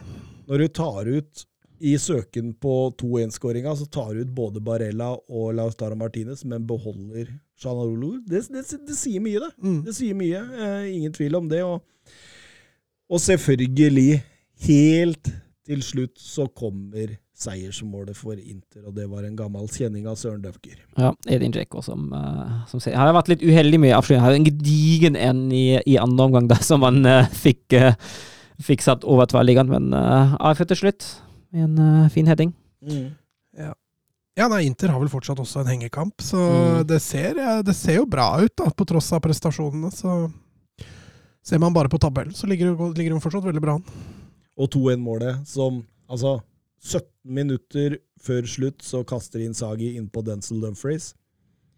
Og det er jo han som serverer. For en spiller. For et kjøp! Altså, det var jo billig. Ja, altså, Du selger Hakimi for, for var det, 70, og så kjøper du Dumfries for 15 eller 25, eller hva det blei. Nei, det var, det var god business. Jeg har ikke hørt reint eh, få podcaster som sa at det der kommer til å bli et stort, stort tabbekjøp, men det, det, det, var, eh, det var feil, for å si det sånn. Og der skaffa han uh, Cheko den muligheten til å sette 2-1 og Chekos første mål på åtte kamper, så han har hatt en liten måltørke. Eh, Inter har tatt 16 poeng denne sesongen etter å ha ligget under. Det er mest i Serie A. Det er Kvalitet òg.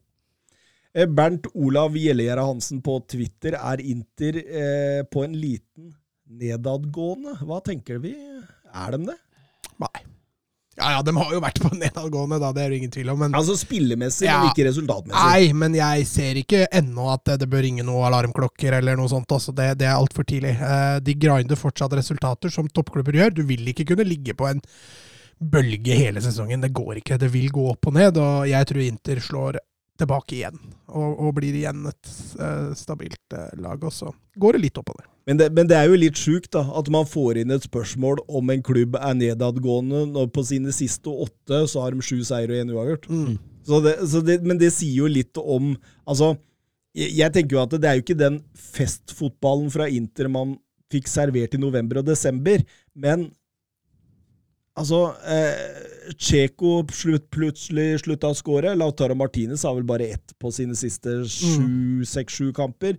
Eh, Correja er ute med strekkskade, og det er fem kamper siden Shanaloglu leverte en, en, et målpoeng igjen. Tross alt han var veldig god i denne kampen her, men, men, men og dette har vi jo Og så mange på en måte poengmakere, altså, på en måte sliter litt samtidig, så blir det jo det lagmaskineriet som må ta over. ikke sant? Og det, det, det, selv om de hadde litt tur her, at de tok tre poeng, så må vi jo si at dette, dette ser ut til å gå veien. Ja. Eh, vi må snakke litt eh, Milan-Juventus også. Altså, for første gang i historien eh, spilte både Milan og Inter hjemmekamp i samme serierunde. Ja. Det var litt spesielt. Det var eh, Milan eh, først, og dagen etter Inter eh, nei, nei, Inter først, og Milan, Mm. Milan etter. Og, hvis dette skjer igjen, så står Milano høyt på lista over byer jeg vil se fotball i. Ja, samme, altså. Og så var det jo et rykte om at San Siro skal rives og erstattes med, en ny, med et nytt stadion, så ja, det hadde vært deilig å få med seg San Siro. Mm. Ja. På groundhopper-appen din. Aha.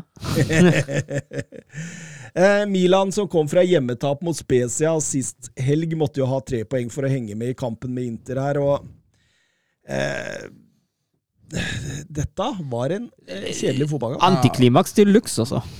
Ja, nei, her var det, det var et stort, eh, stor skuffelse. Det var ikke mye, mye underholdning her. Nei, det, det, det, det, det var flatt batteri. Altså, altså Milan kanskje hakket bedre enn eh, Juventus. Juventus var veldig mye på det, på det safe, men eh,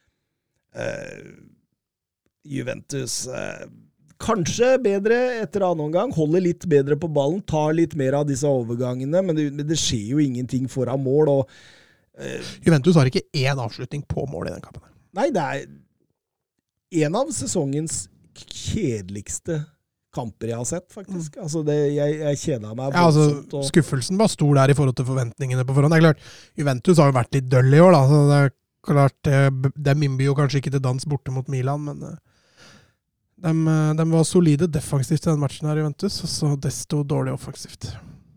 Steffen Hansen skriver jo til oss på Twitter også. Kjøpte meg VG pluss fotball og benka meg for Milan Juventus. Tror, tror dere man kan få heva kjøpet? Men det, der kjøper du vel bare en måned av gangen? Ja, det- Ja, Så du får bare pine deg gjennom en måned, og så får du bare droppe, droppe Men vi kan jo si til Steffen at Serie A har vært ganske morsom i år. Ja, det er jo det. Definitivt. Så bare, bare å se flere kamper, så kommer sikkert det til å bli god underholdning. Nå er jo ikke Atalanta vært i form heller, men de er jo som regel en litt sånn propagandaklubb, så kan jo se litt de kampene, i hvert fall.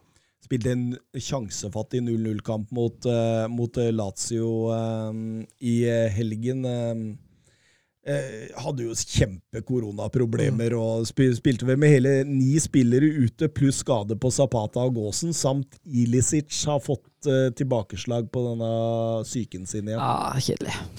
Ja, det er gøy med en nordmann, da. Gøy med en nordmann. Emil alltid- Konradsen Seide er klar for Sassolo, mens eh, Boga går til Atalanta. Mm.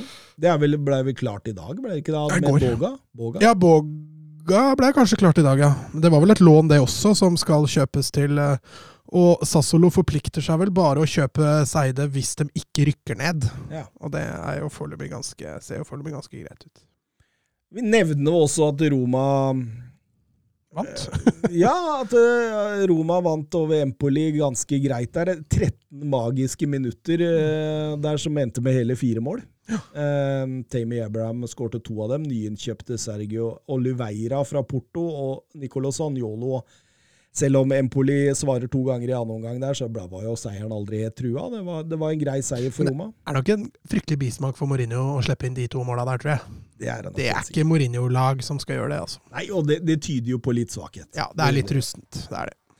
Men siden starten av november 2021 så er det kun Lewandowski som har skåret flere mål i topp fem-ligaene uten at det er straffespark, enn Tammy Abraham. Han er på 13 mål siden november nå. Hva, hva, hva sier vi om det? Vi sier jo det. at Gå til Serie A hvis du er en avdanka Premier League-spiss. Det, det, det var harde ord, altså. Å kalle Abraham en avdanka. ja, ja, men han, han, var, han er jo det. Mm. Han har funnet seg, funnet seg godt til rette, i hvert fall. I. Ja, Men, altså, men han jeg- kunne gjort det bra i Aston Villa. I et, altså, Tror du det? Ja, det tror jeg helt sikkert. Se på Ollie Watkins, da. Ja, ja, men jeg, tror- jeg, jeg tror Abraham kunne gjort det bra i klubber som Aston Villa og Wolverhampton og, og diverse sånne ting. Ja, det, det er jeg overbevist om. Men de valgte jo ikke å splette Hvor mye var de kjøpte for? 300 og et eller annet? Ja, var det? det er vel sikkert det, da. Mm. Det, var, det var voldsom sum på den.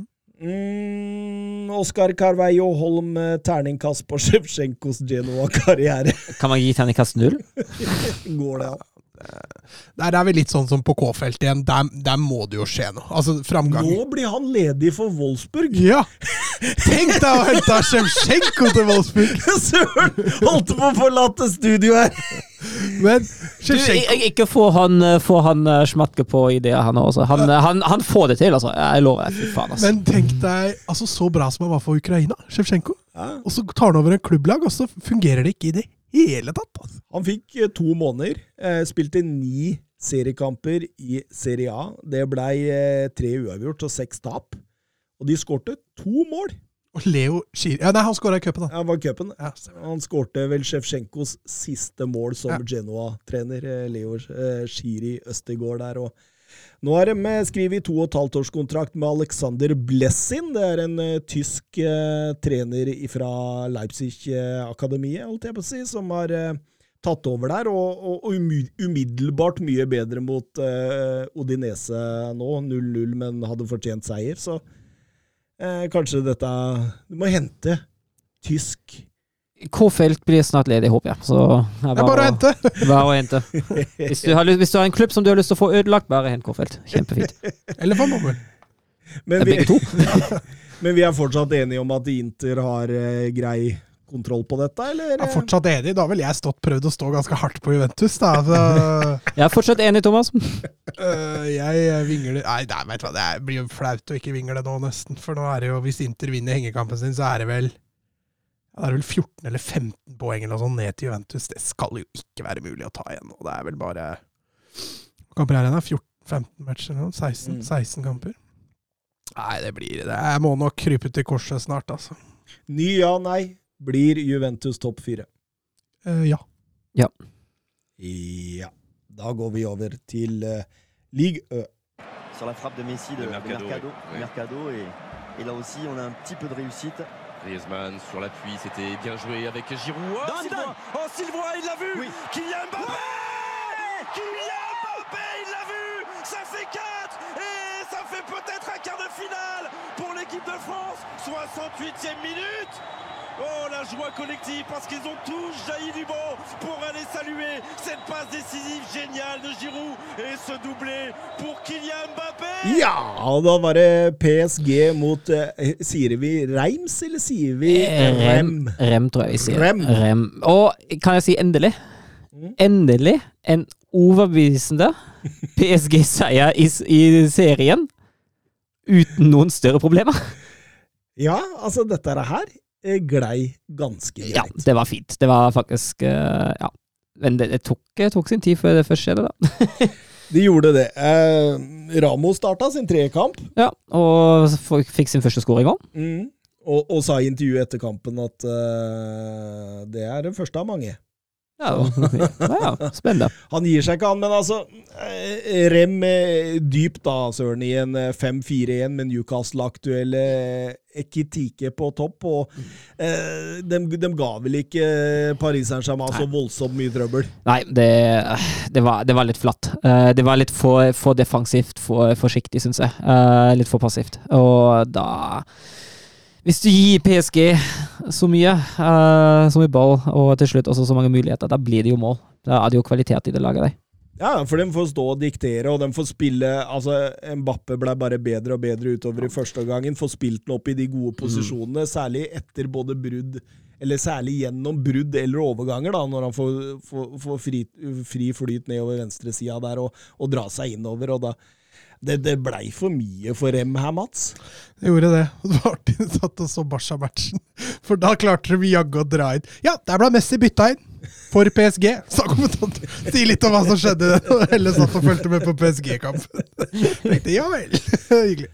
Ja, for det, det skjer jo rett etter at Ramos satt 2-0, så får, eh, så Mm. får Messi eh, Hiver Messi innpå. Da bruker bare et par minutter på å servere Verratti sitt andre mål for kampen. Ja, spennende. Han, han skårer ikke så ofte. Jeg vet ikke når han sist skåra et, eh, et ligamål. Jeg tror det er en eh, god stund siden.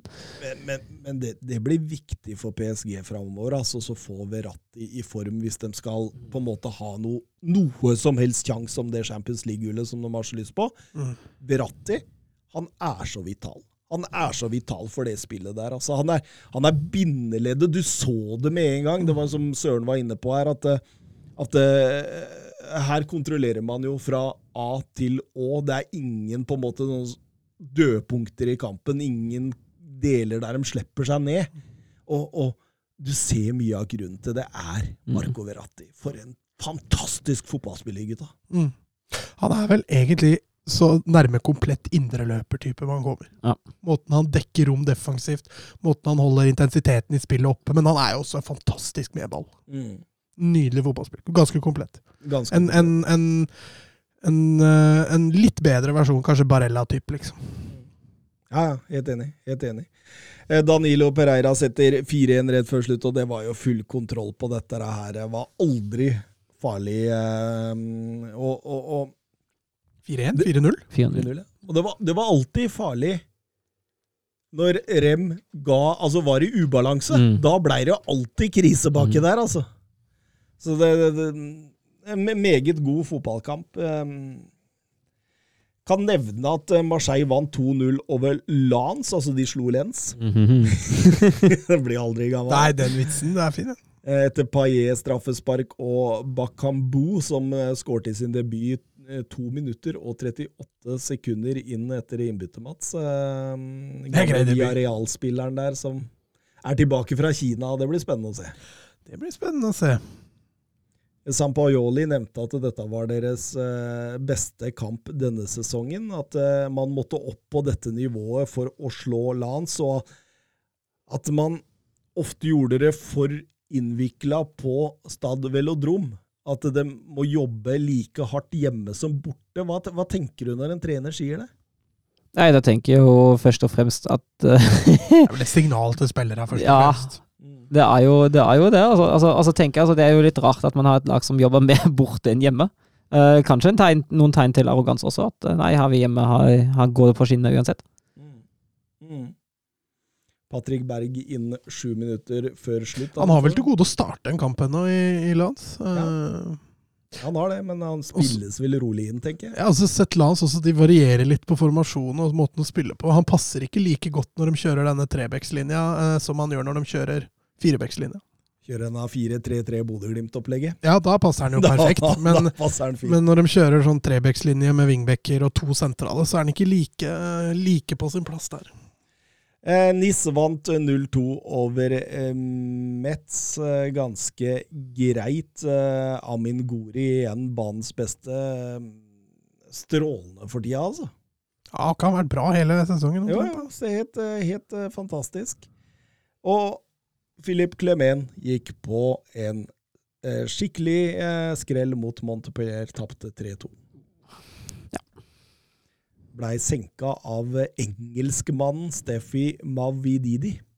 Eh, Arsenal-produkt som også har vært innom Juventus. Eh, Skårte sitt 22. mål i league Ø, og det er bare Glenn Hoddle igjen før han blir engelskmannen som skårer mest mål i ligaen. 22 år, så det, det, det bør være mulig. Ja, det sier vel også litt om at det har ikke vært altfor mange engelskmenn som har skåret mye mål i ligaen. Nei, når Glenn Hoddle er Altså dreier på på 80-tallet, liksom. Ja, men at du er 22 år og allerede er i nærheten. Men eh, veldig lite spenning i ligaen. Eh, ja. Spenninga blir jo hvem tar plassene bak, og Hvem rykker ned? ja. Ryk, rykkes rykkes Antette igjen ned? Ja eller nei? Vi går rundt bordet. ja, da sier jeg ja. Ja. Ja. og med det går vi over til europahjørnet. Bra jobba, gutta! Bra ball! Nei! Ah, grei offside. Tor Håkon, den er grei. Bøkka. Tor Håkon! Nei, Tor Håkon, det var din egen skyld. Ikke bli sint for det, i hvert fall. da. Tor Håkon, ikke kjeft på dommeren. Og ikke kjeft på dommeren. Tor Håkon, nå hører du på dommeren. Det er hver gang, altså. Hver gang. der. Ja, eh, hvem Skal, skal jeg jeg, begynne? jeg, kan, jeg kan godt begynne, jeg, fordi dette kommer til å gå fort. Ja, ok. Ja, okay. Eh, Mechelen møtte Anderlecht eh, i en fryktelig kjedelig fotballkamp. Gud a meg. Dette Var det sånn Milan-Juventus? Ja, dette var helt i grenseland. Altså, dette er jo to lag som jeg egentlig ikke bryr meg så mye om. da. Så For meg så er jo underholdningen i disse kampene ganske viktig for å kunne leve meg litt inn i det. Har du ikke fått et personlig forhold til Anderlecht? altså? Nei, ja, jo, jeg har jo for så vidt det. Og jeg, jeg heier jo på Anderlecht nå på grunn av dette. Uh, men desto verre da, når det blir en så fryktelig kjedelig fotballkamp. Altså Anderlecht med, tar ledelsen forholdsvis tidlig. Joshua Sirksi. Uh, herlig enkeltmannsprestasjon fra, fra Sirksi der. Uh, etter det så virker det som de bare Det virka som de skulle teste. Og nå legger vi oss lavt, og så prøver vi kun å kontre. Eh, Anderlecht har jo stort sett ofte hatt ballen mer enn motstanderen i hver eneste kamp de har spilt. Eh, det tror jeg ikke var tilfellet i den kampen her. Og Mechelen er ikke gode nok til å skape noe. Og og når kontringene da til Anderlecht ikke sitter, så blir dette en, en fryktelig kjedelig fotballkamp. Og eh, jeg gjespa meg gjennom en 1-0-seier der til Anderlecht. Og dette var ikke noe propagandafotball for å kunne følge dette videre, for å si det, for å Men si det mildt. samtidig, da. De ligger jo i toppen der. De eh, ligger foreløpig eh, på en fjerdeplass, hvis ikke jeg tar helt feil, og har fått en liten luke ned til eh, Gent. eh, Som det betyr at de, de har denne viktige fjerdeplassen da, i spillet om Europa og seriegull til, til våren. Deilig, deilig. Ajax, åssen gikk det, Søren? Ja, de hadde jo da toppkampen, de. Møtte PSV på bortebane, første mot andreplass.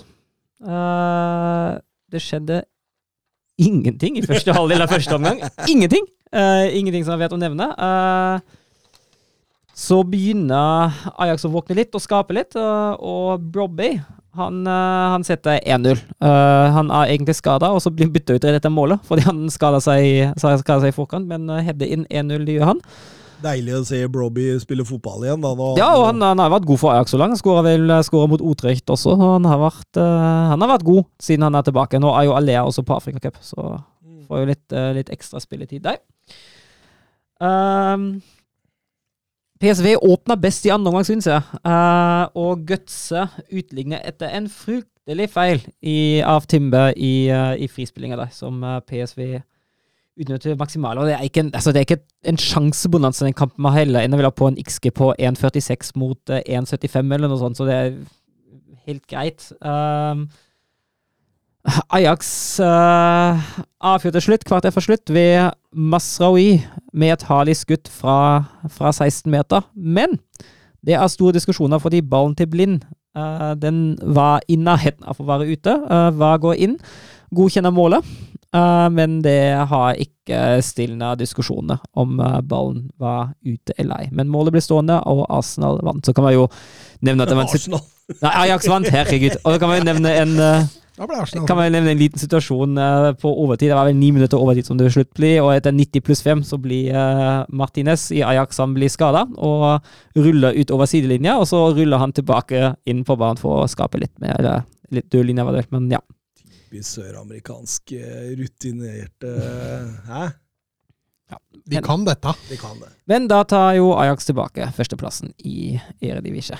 Men det er jevnt, altså. Det er, det er veldig, veldig jevnt. Eh, skal Det er bare to poeng som skiller. Skal finne tabellen, ja. Det blir nok eh, Ja, Ajax med 48 foran PSV 46, og så er Feyenoord med 42. Litt uh, hekta av. I eh, Liga NOS så eh, Sporting eh, møtte Braga til toppkamp. Eh, Sporting åpner best, eh, god fly, eh, flyt i spillet. Produserer ikke all verden, men har et klart initiativ der. og og mm, Pedro Gonsalves setter 1-0 etter 24 minutter. Et klassemål der han går inn på løp inn bak eh, fireren til Braga. Tar ned ballen, og så når ballen kommer over huet ditt, silkemykt ned og, og setter eh, 1-0. Blir dømt offside, så det, det, det er veldig mye sånn der, ah, usikkerhet i forkant, men så går VAR inn og, og, og um, korrigerer den. Så det, det blir 1-0 til Sporting der, og har egentlig god kontroll gjennom hele første omgang. Og så kommer man til annen omgang. Braga har hatt veldig lite, og så får de et, eh, et straffespark der. Veldig dårlige bilder. Veldig dårlige bilder, så det er litt vanskelig å se, men det ser ut som Wendersen går veldig lett ned når han kjenner kontakt der, og, og, og, og se Wendersen selv setter straffesparket. og nå bølger det mye mer enn i første omgang. Altså, den, den på en måte kontrollen som Sporting hadde underveis i kampen, den, den har blitt litt borte. Sporting fortsatt de største sjansene, annet har Paulinho en i stolpen der, eh, men, men og, og to minutter på overtid så har eh, Pedro Gonsalves en gedigen Han setter rett på keeper der, nesten litt sånn Stirling-opplegg, egentlig. Og så skjer det. Sju minutter på overtid så setter Jean Gorby inn en markryper fra 20 meter, og Sporting taper nok en gang. og nok, i- der, der, der ser du hva som skjer når Ruben Amorim-presset ikke stemmer, for det er fire spillere som er stuper i press ut på kant, og så er det én enkel ball inn til Gorby som får all verdens tid eh, sånn rett på utsida av 16-meteren. Avanserer et par meter og, og dunker den inn i nærmeste, og da da blir det tap, altså tap på to av de tre siste i ligaen, og det er uvant kost etter at eh, Ruben eh, Amorim tok over den skuta. Når Benfica vinner, eh, og Porto vinner, så um, har Porto fått seg seks poeng eh, ned til Sporting, mens eh, Benfica da er tre poeng bak der. Så eh, sånn jeg ser det nå, så ser det veldig vanskelig ut å ta Porto. Det gjør det. Men uh, vi får se, vi får se. Um, Twitter, Jørgen Be Ready. Ingen rykter vedrørende Pedro Gonsalves i dette vinduet, eller og hva skjer med Darwin Nones? Og det har vært veldig lite.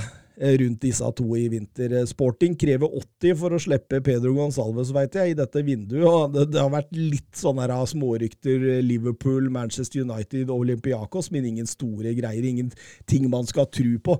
Eh, Darwin Nunes derimot, han har hatt et litt sterkere rykte imot Newcastle, men det har blitt litt kaldere utover i vinduet, og det sies at han skal ha en eh, utkjøpsklausul på 100 millioner euro, og at Benfica forholder seg til den. Så da, Da blir det slitsomt å kjøpe ut han. da blir det slitsomt å kjøpe ut han i dette vinduet, det er jeg ganske sikker på. Um, litt rykter må vi ha mot slutten. Vi kan jo ikke unngå det. Um, hm? Ja, men du kan gå, du. Vi- Ja, men jeg tenkte en diskusjon med Hobbe, den har jeg lyst til å Jo, være med men, på. men det kommer. Det, det kommer. Ja, men jeg må jo gå om eh, ti minutter. Ja, skal vi ta den, da? Ja. Ja. Eh, Jonathan Hobber, en liten luring til dere. Eh, tenker dere. Tenk dere alle i topp fem-ligaene slo seg sammen. De 20 beste eh, spilte førstedivisjon, og dere skal sette opp et tabelltips for eh, lagene før sesongens Status slik klubbene står nå. Hvordan hadde dette tipset sett ut? Diskuter dere frem. 1 til 20, topp fem-ligaene. Ok? Da begynner vi øverst, da. Ja. Det er lettere Det er lettest, lettest å gå ovenfra og ned, helt enig. Så ikke vi blir sittende her med Ja. tre topplag som vi glemmer. eller noe. Nei. Eh, nei, nummer én. Jeg vet ikke, jeg tror vi er ganske sikre på at City havner der, eller? Ja, én City. Helt enig. Istemmes. På de to neste så var det ganske likt Mm. mellom Bayern og Liverpool for min del. Eh, men som jeg sa i stad, den kampen i helga, da tok jeg, jeg tenkte det er greit. Da kjører vi Bayern som nummer to. Jeg har satt Bayern på to, ja. Men uh, det er hårfine marginer.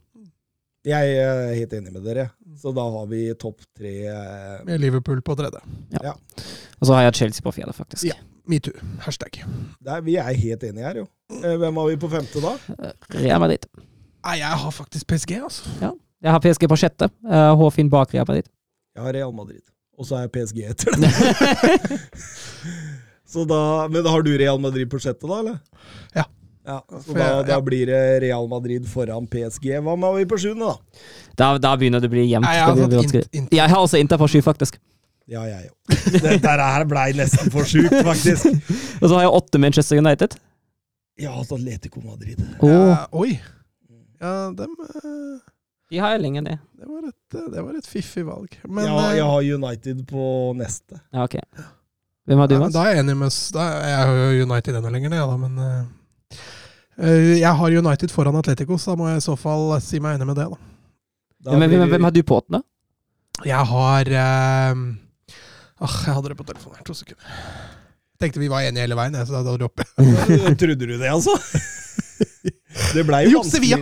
Sevilla. Ja, Sevilla har lenge ned. Sevilla har til og med bak Men altså, Watford. man legger jo den sesongen her til grunne, ikke sant? Man Ja, kan jo ikke det. ta det, med står, det står jo status slik klubbene står nå. Ja, ikke Ja. sant. Ja, for det, det blir vanskelig å, å konkludere med Barca og Juventus. Ja, Og, enig. enig. fordi Sevilla ligger jo foran Atletico på tabellen, Mm. så derfor blir det vanskelig for meg å skyve dem Ja, jeg har, jeg har argumenter på akkurat samme måte. Det er akkurat det. Men eh, jeg har, jeg har faktisk United, og så har jeg Dortmund etter United. Jeg tenker mer sånn Hva er toppnivået? Hva er eh, Ja, men da burde jo også Juventus vært høyere, liksom, Ja, hvis du skjønner hva jeg mener. Og. Barcelona ja, Kanskje ikke de har et så høyt toppnivå lenger, men Nei, men jeg, jeg er helt med på den. med Manchester United på åttende, og så da blir vi niendeplass. Ja, det er Dortmund. Jeg har Tottenham. Eller jeg har jo egentlig Atletico Madrid, da. ja. Men Fordi ja, men altså, den er, Jeg også var veldig så skeptisk, eller i tvil på hvor jeg skulle sette Tottenham. For hvis du tar Conte-tida, så har jo Mm. det gått bra. Men før Conte er, var de jo knapt nok topp ti. det er, det er jo status slik klubbene er nå, står det. Vi skal jo ta dette Men jeg er jo veldig for å ha engelske lag her, da. De ligger jo foran alle andre, så jeg kan godt være med på Tot- jeg har Tottenham vinner nærheten av det, det er ikke langt unna, så det er greit. Da blir det Tottenham der på niende. Eh, tiende. Nei, jeg Blir det Sevilla eller Dortmund, da? Jeg er fortsatt på Dortmund. Ja, Sevilla der. Ja, da er jeg enig på det. Sevilla på tiende. Eh, når får jeg Atletico inn, da? Ja, ikke, ikke før Dortmund, altså. Ikke sånn jeg nå. Nei, jeg har Dortmund på ellevte. Ja, da tar vi Dortmund på 11. Det Ja, det må bli Dortmund på ellevte. Det spørs hvor hardt han jobber for RB Leipzig nå. Ja, jeg jobber, jeg, det, som står akkurat nå, det er ikke RB Leipzig som jeg har med. Det er Leverkosen. Ja, du har Leverkosen. Ja, ja, ja. Som står an nå, jeg kan ikke forsvare Leipzig inn som står an nå. Det går ikke. Ja, men de har jo tre kamper på rad nå med seier. Ja da, men altså, se på hele sesongen, da. Men har vi Atletico på tolvte, da? Ja, det kan vi godt. Det er greit. Det kan vi godt. Det kan vi godt da. Eh, Arsenal på 12. På 13. Eller hvor vi er vi har faktisk Barcelona. Nei, det er jeg helt uenig i. Ja, jeg rykke- Det er meg Barcelona- på i- på det tabelltipset her. Barcelona er så vidt med på min liste. Så vidt. såpass, ja. Ja. ja da, må jeg, da må jeg skyve dem lenger ned, da. Men uh, da er Arsenal Ja, da er jeg heller med på Arsenal. Ja. Enig. Mm, mm. Da var Arsenal 12. Eh, 13. Jeg må vel få inn eh, begynner bli sånn sånn Milan, tenker jeg. ja, Milan-Napoli, Ja. tenker jeg. Blir ja. å ligge Jeg har Milan-Napoli på 13 og 14, faktisk. Jeg har faktisk Westham, jeg. Å ja, nei, de har jeg lenger ned. ja, Jeg har med Westham, jeg òg. Jeg har med Westham, men litt lenger ned. Ja. Eh, Milan er for meg på 16., så jeg kan godt skyve de opp. Det er ikke noe problem, det. Mm. Eh, Da er det men- 14.. Men, men, men det, det skremte meg, det de viste mot Liverpool i Ja. Champions League. Når Liverpool kommer dit med rent spikka reservelag og har ingenting å spille for, mens Milan har alt å få spille for, og så blir de feia på San Siro. Det skremte meg veldig. Det Jo, men det B-laget til Liverpool der hadde feid mange topplag. ja, den er grei, den er grei. Eh, Blei litt uoversiktlig, da, men det er Milan på 13. Mm. Eh, 14.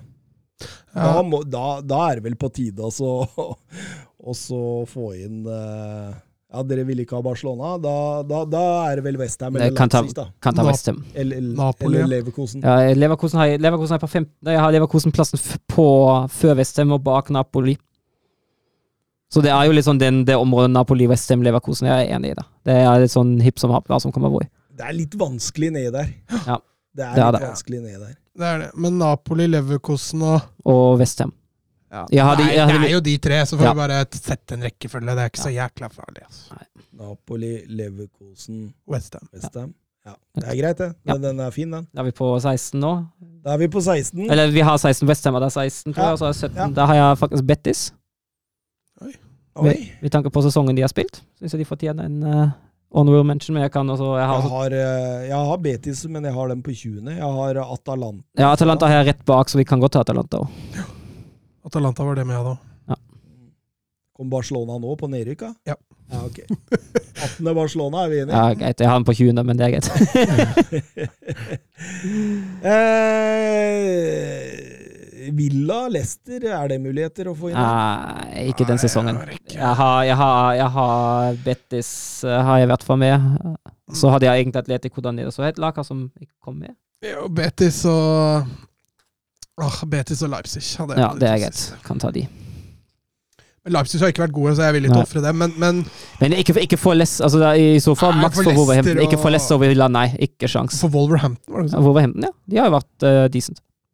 Ja, Marseille har vært brukbar. Ja. Nice har vært brukbar. Ja, vi kan jo ta med et annet ja, lik- Nice. Ja, ta med, ta med et lik, lag det er kult å ha med til. Enig. Nice og Bra. Betis. Da er vi gjennom den. Uh, hvor lenge er det til du skal dra, Søren? Uh, Nå må jeg vel dra ganske snart. Sånn type nå. Ja.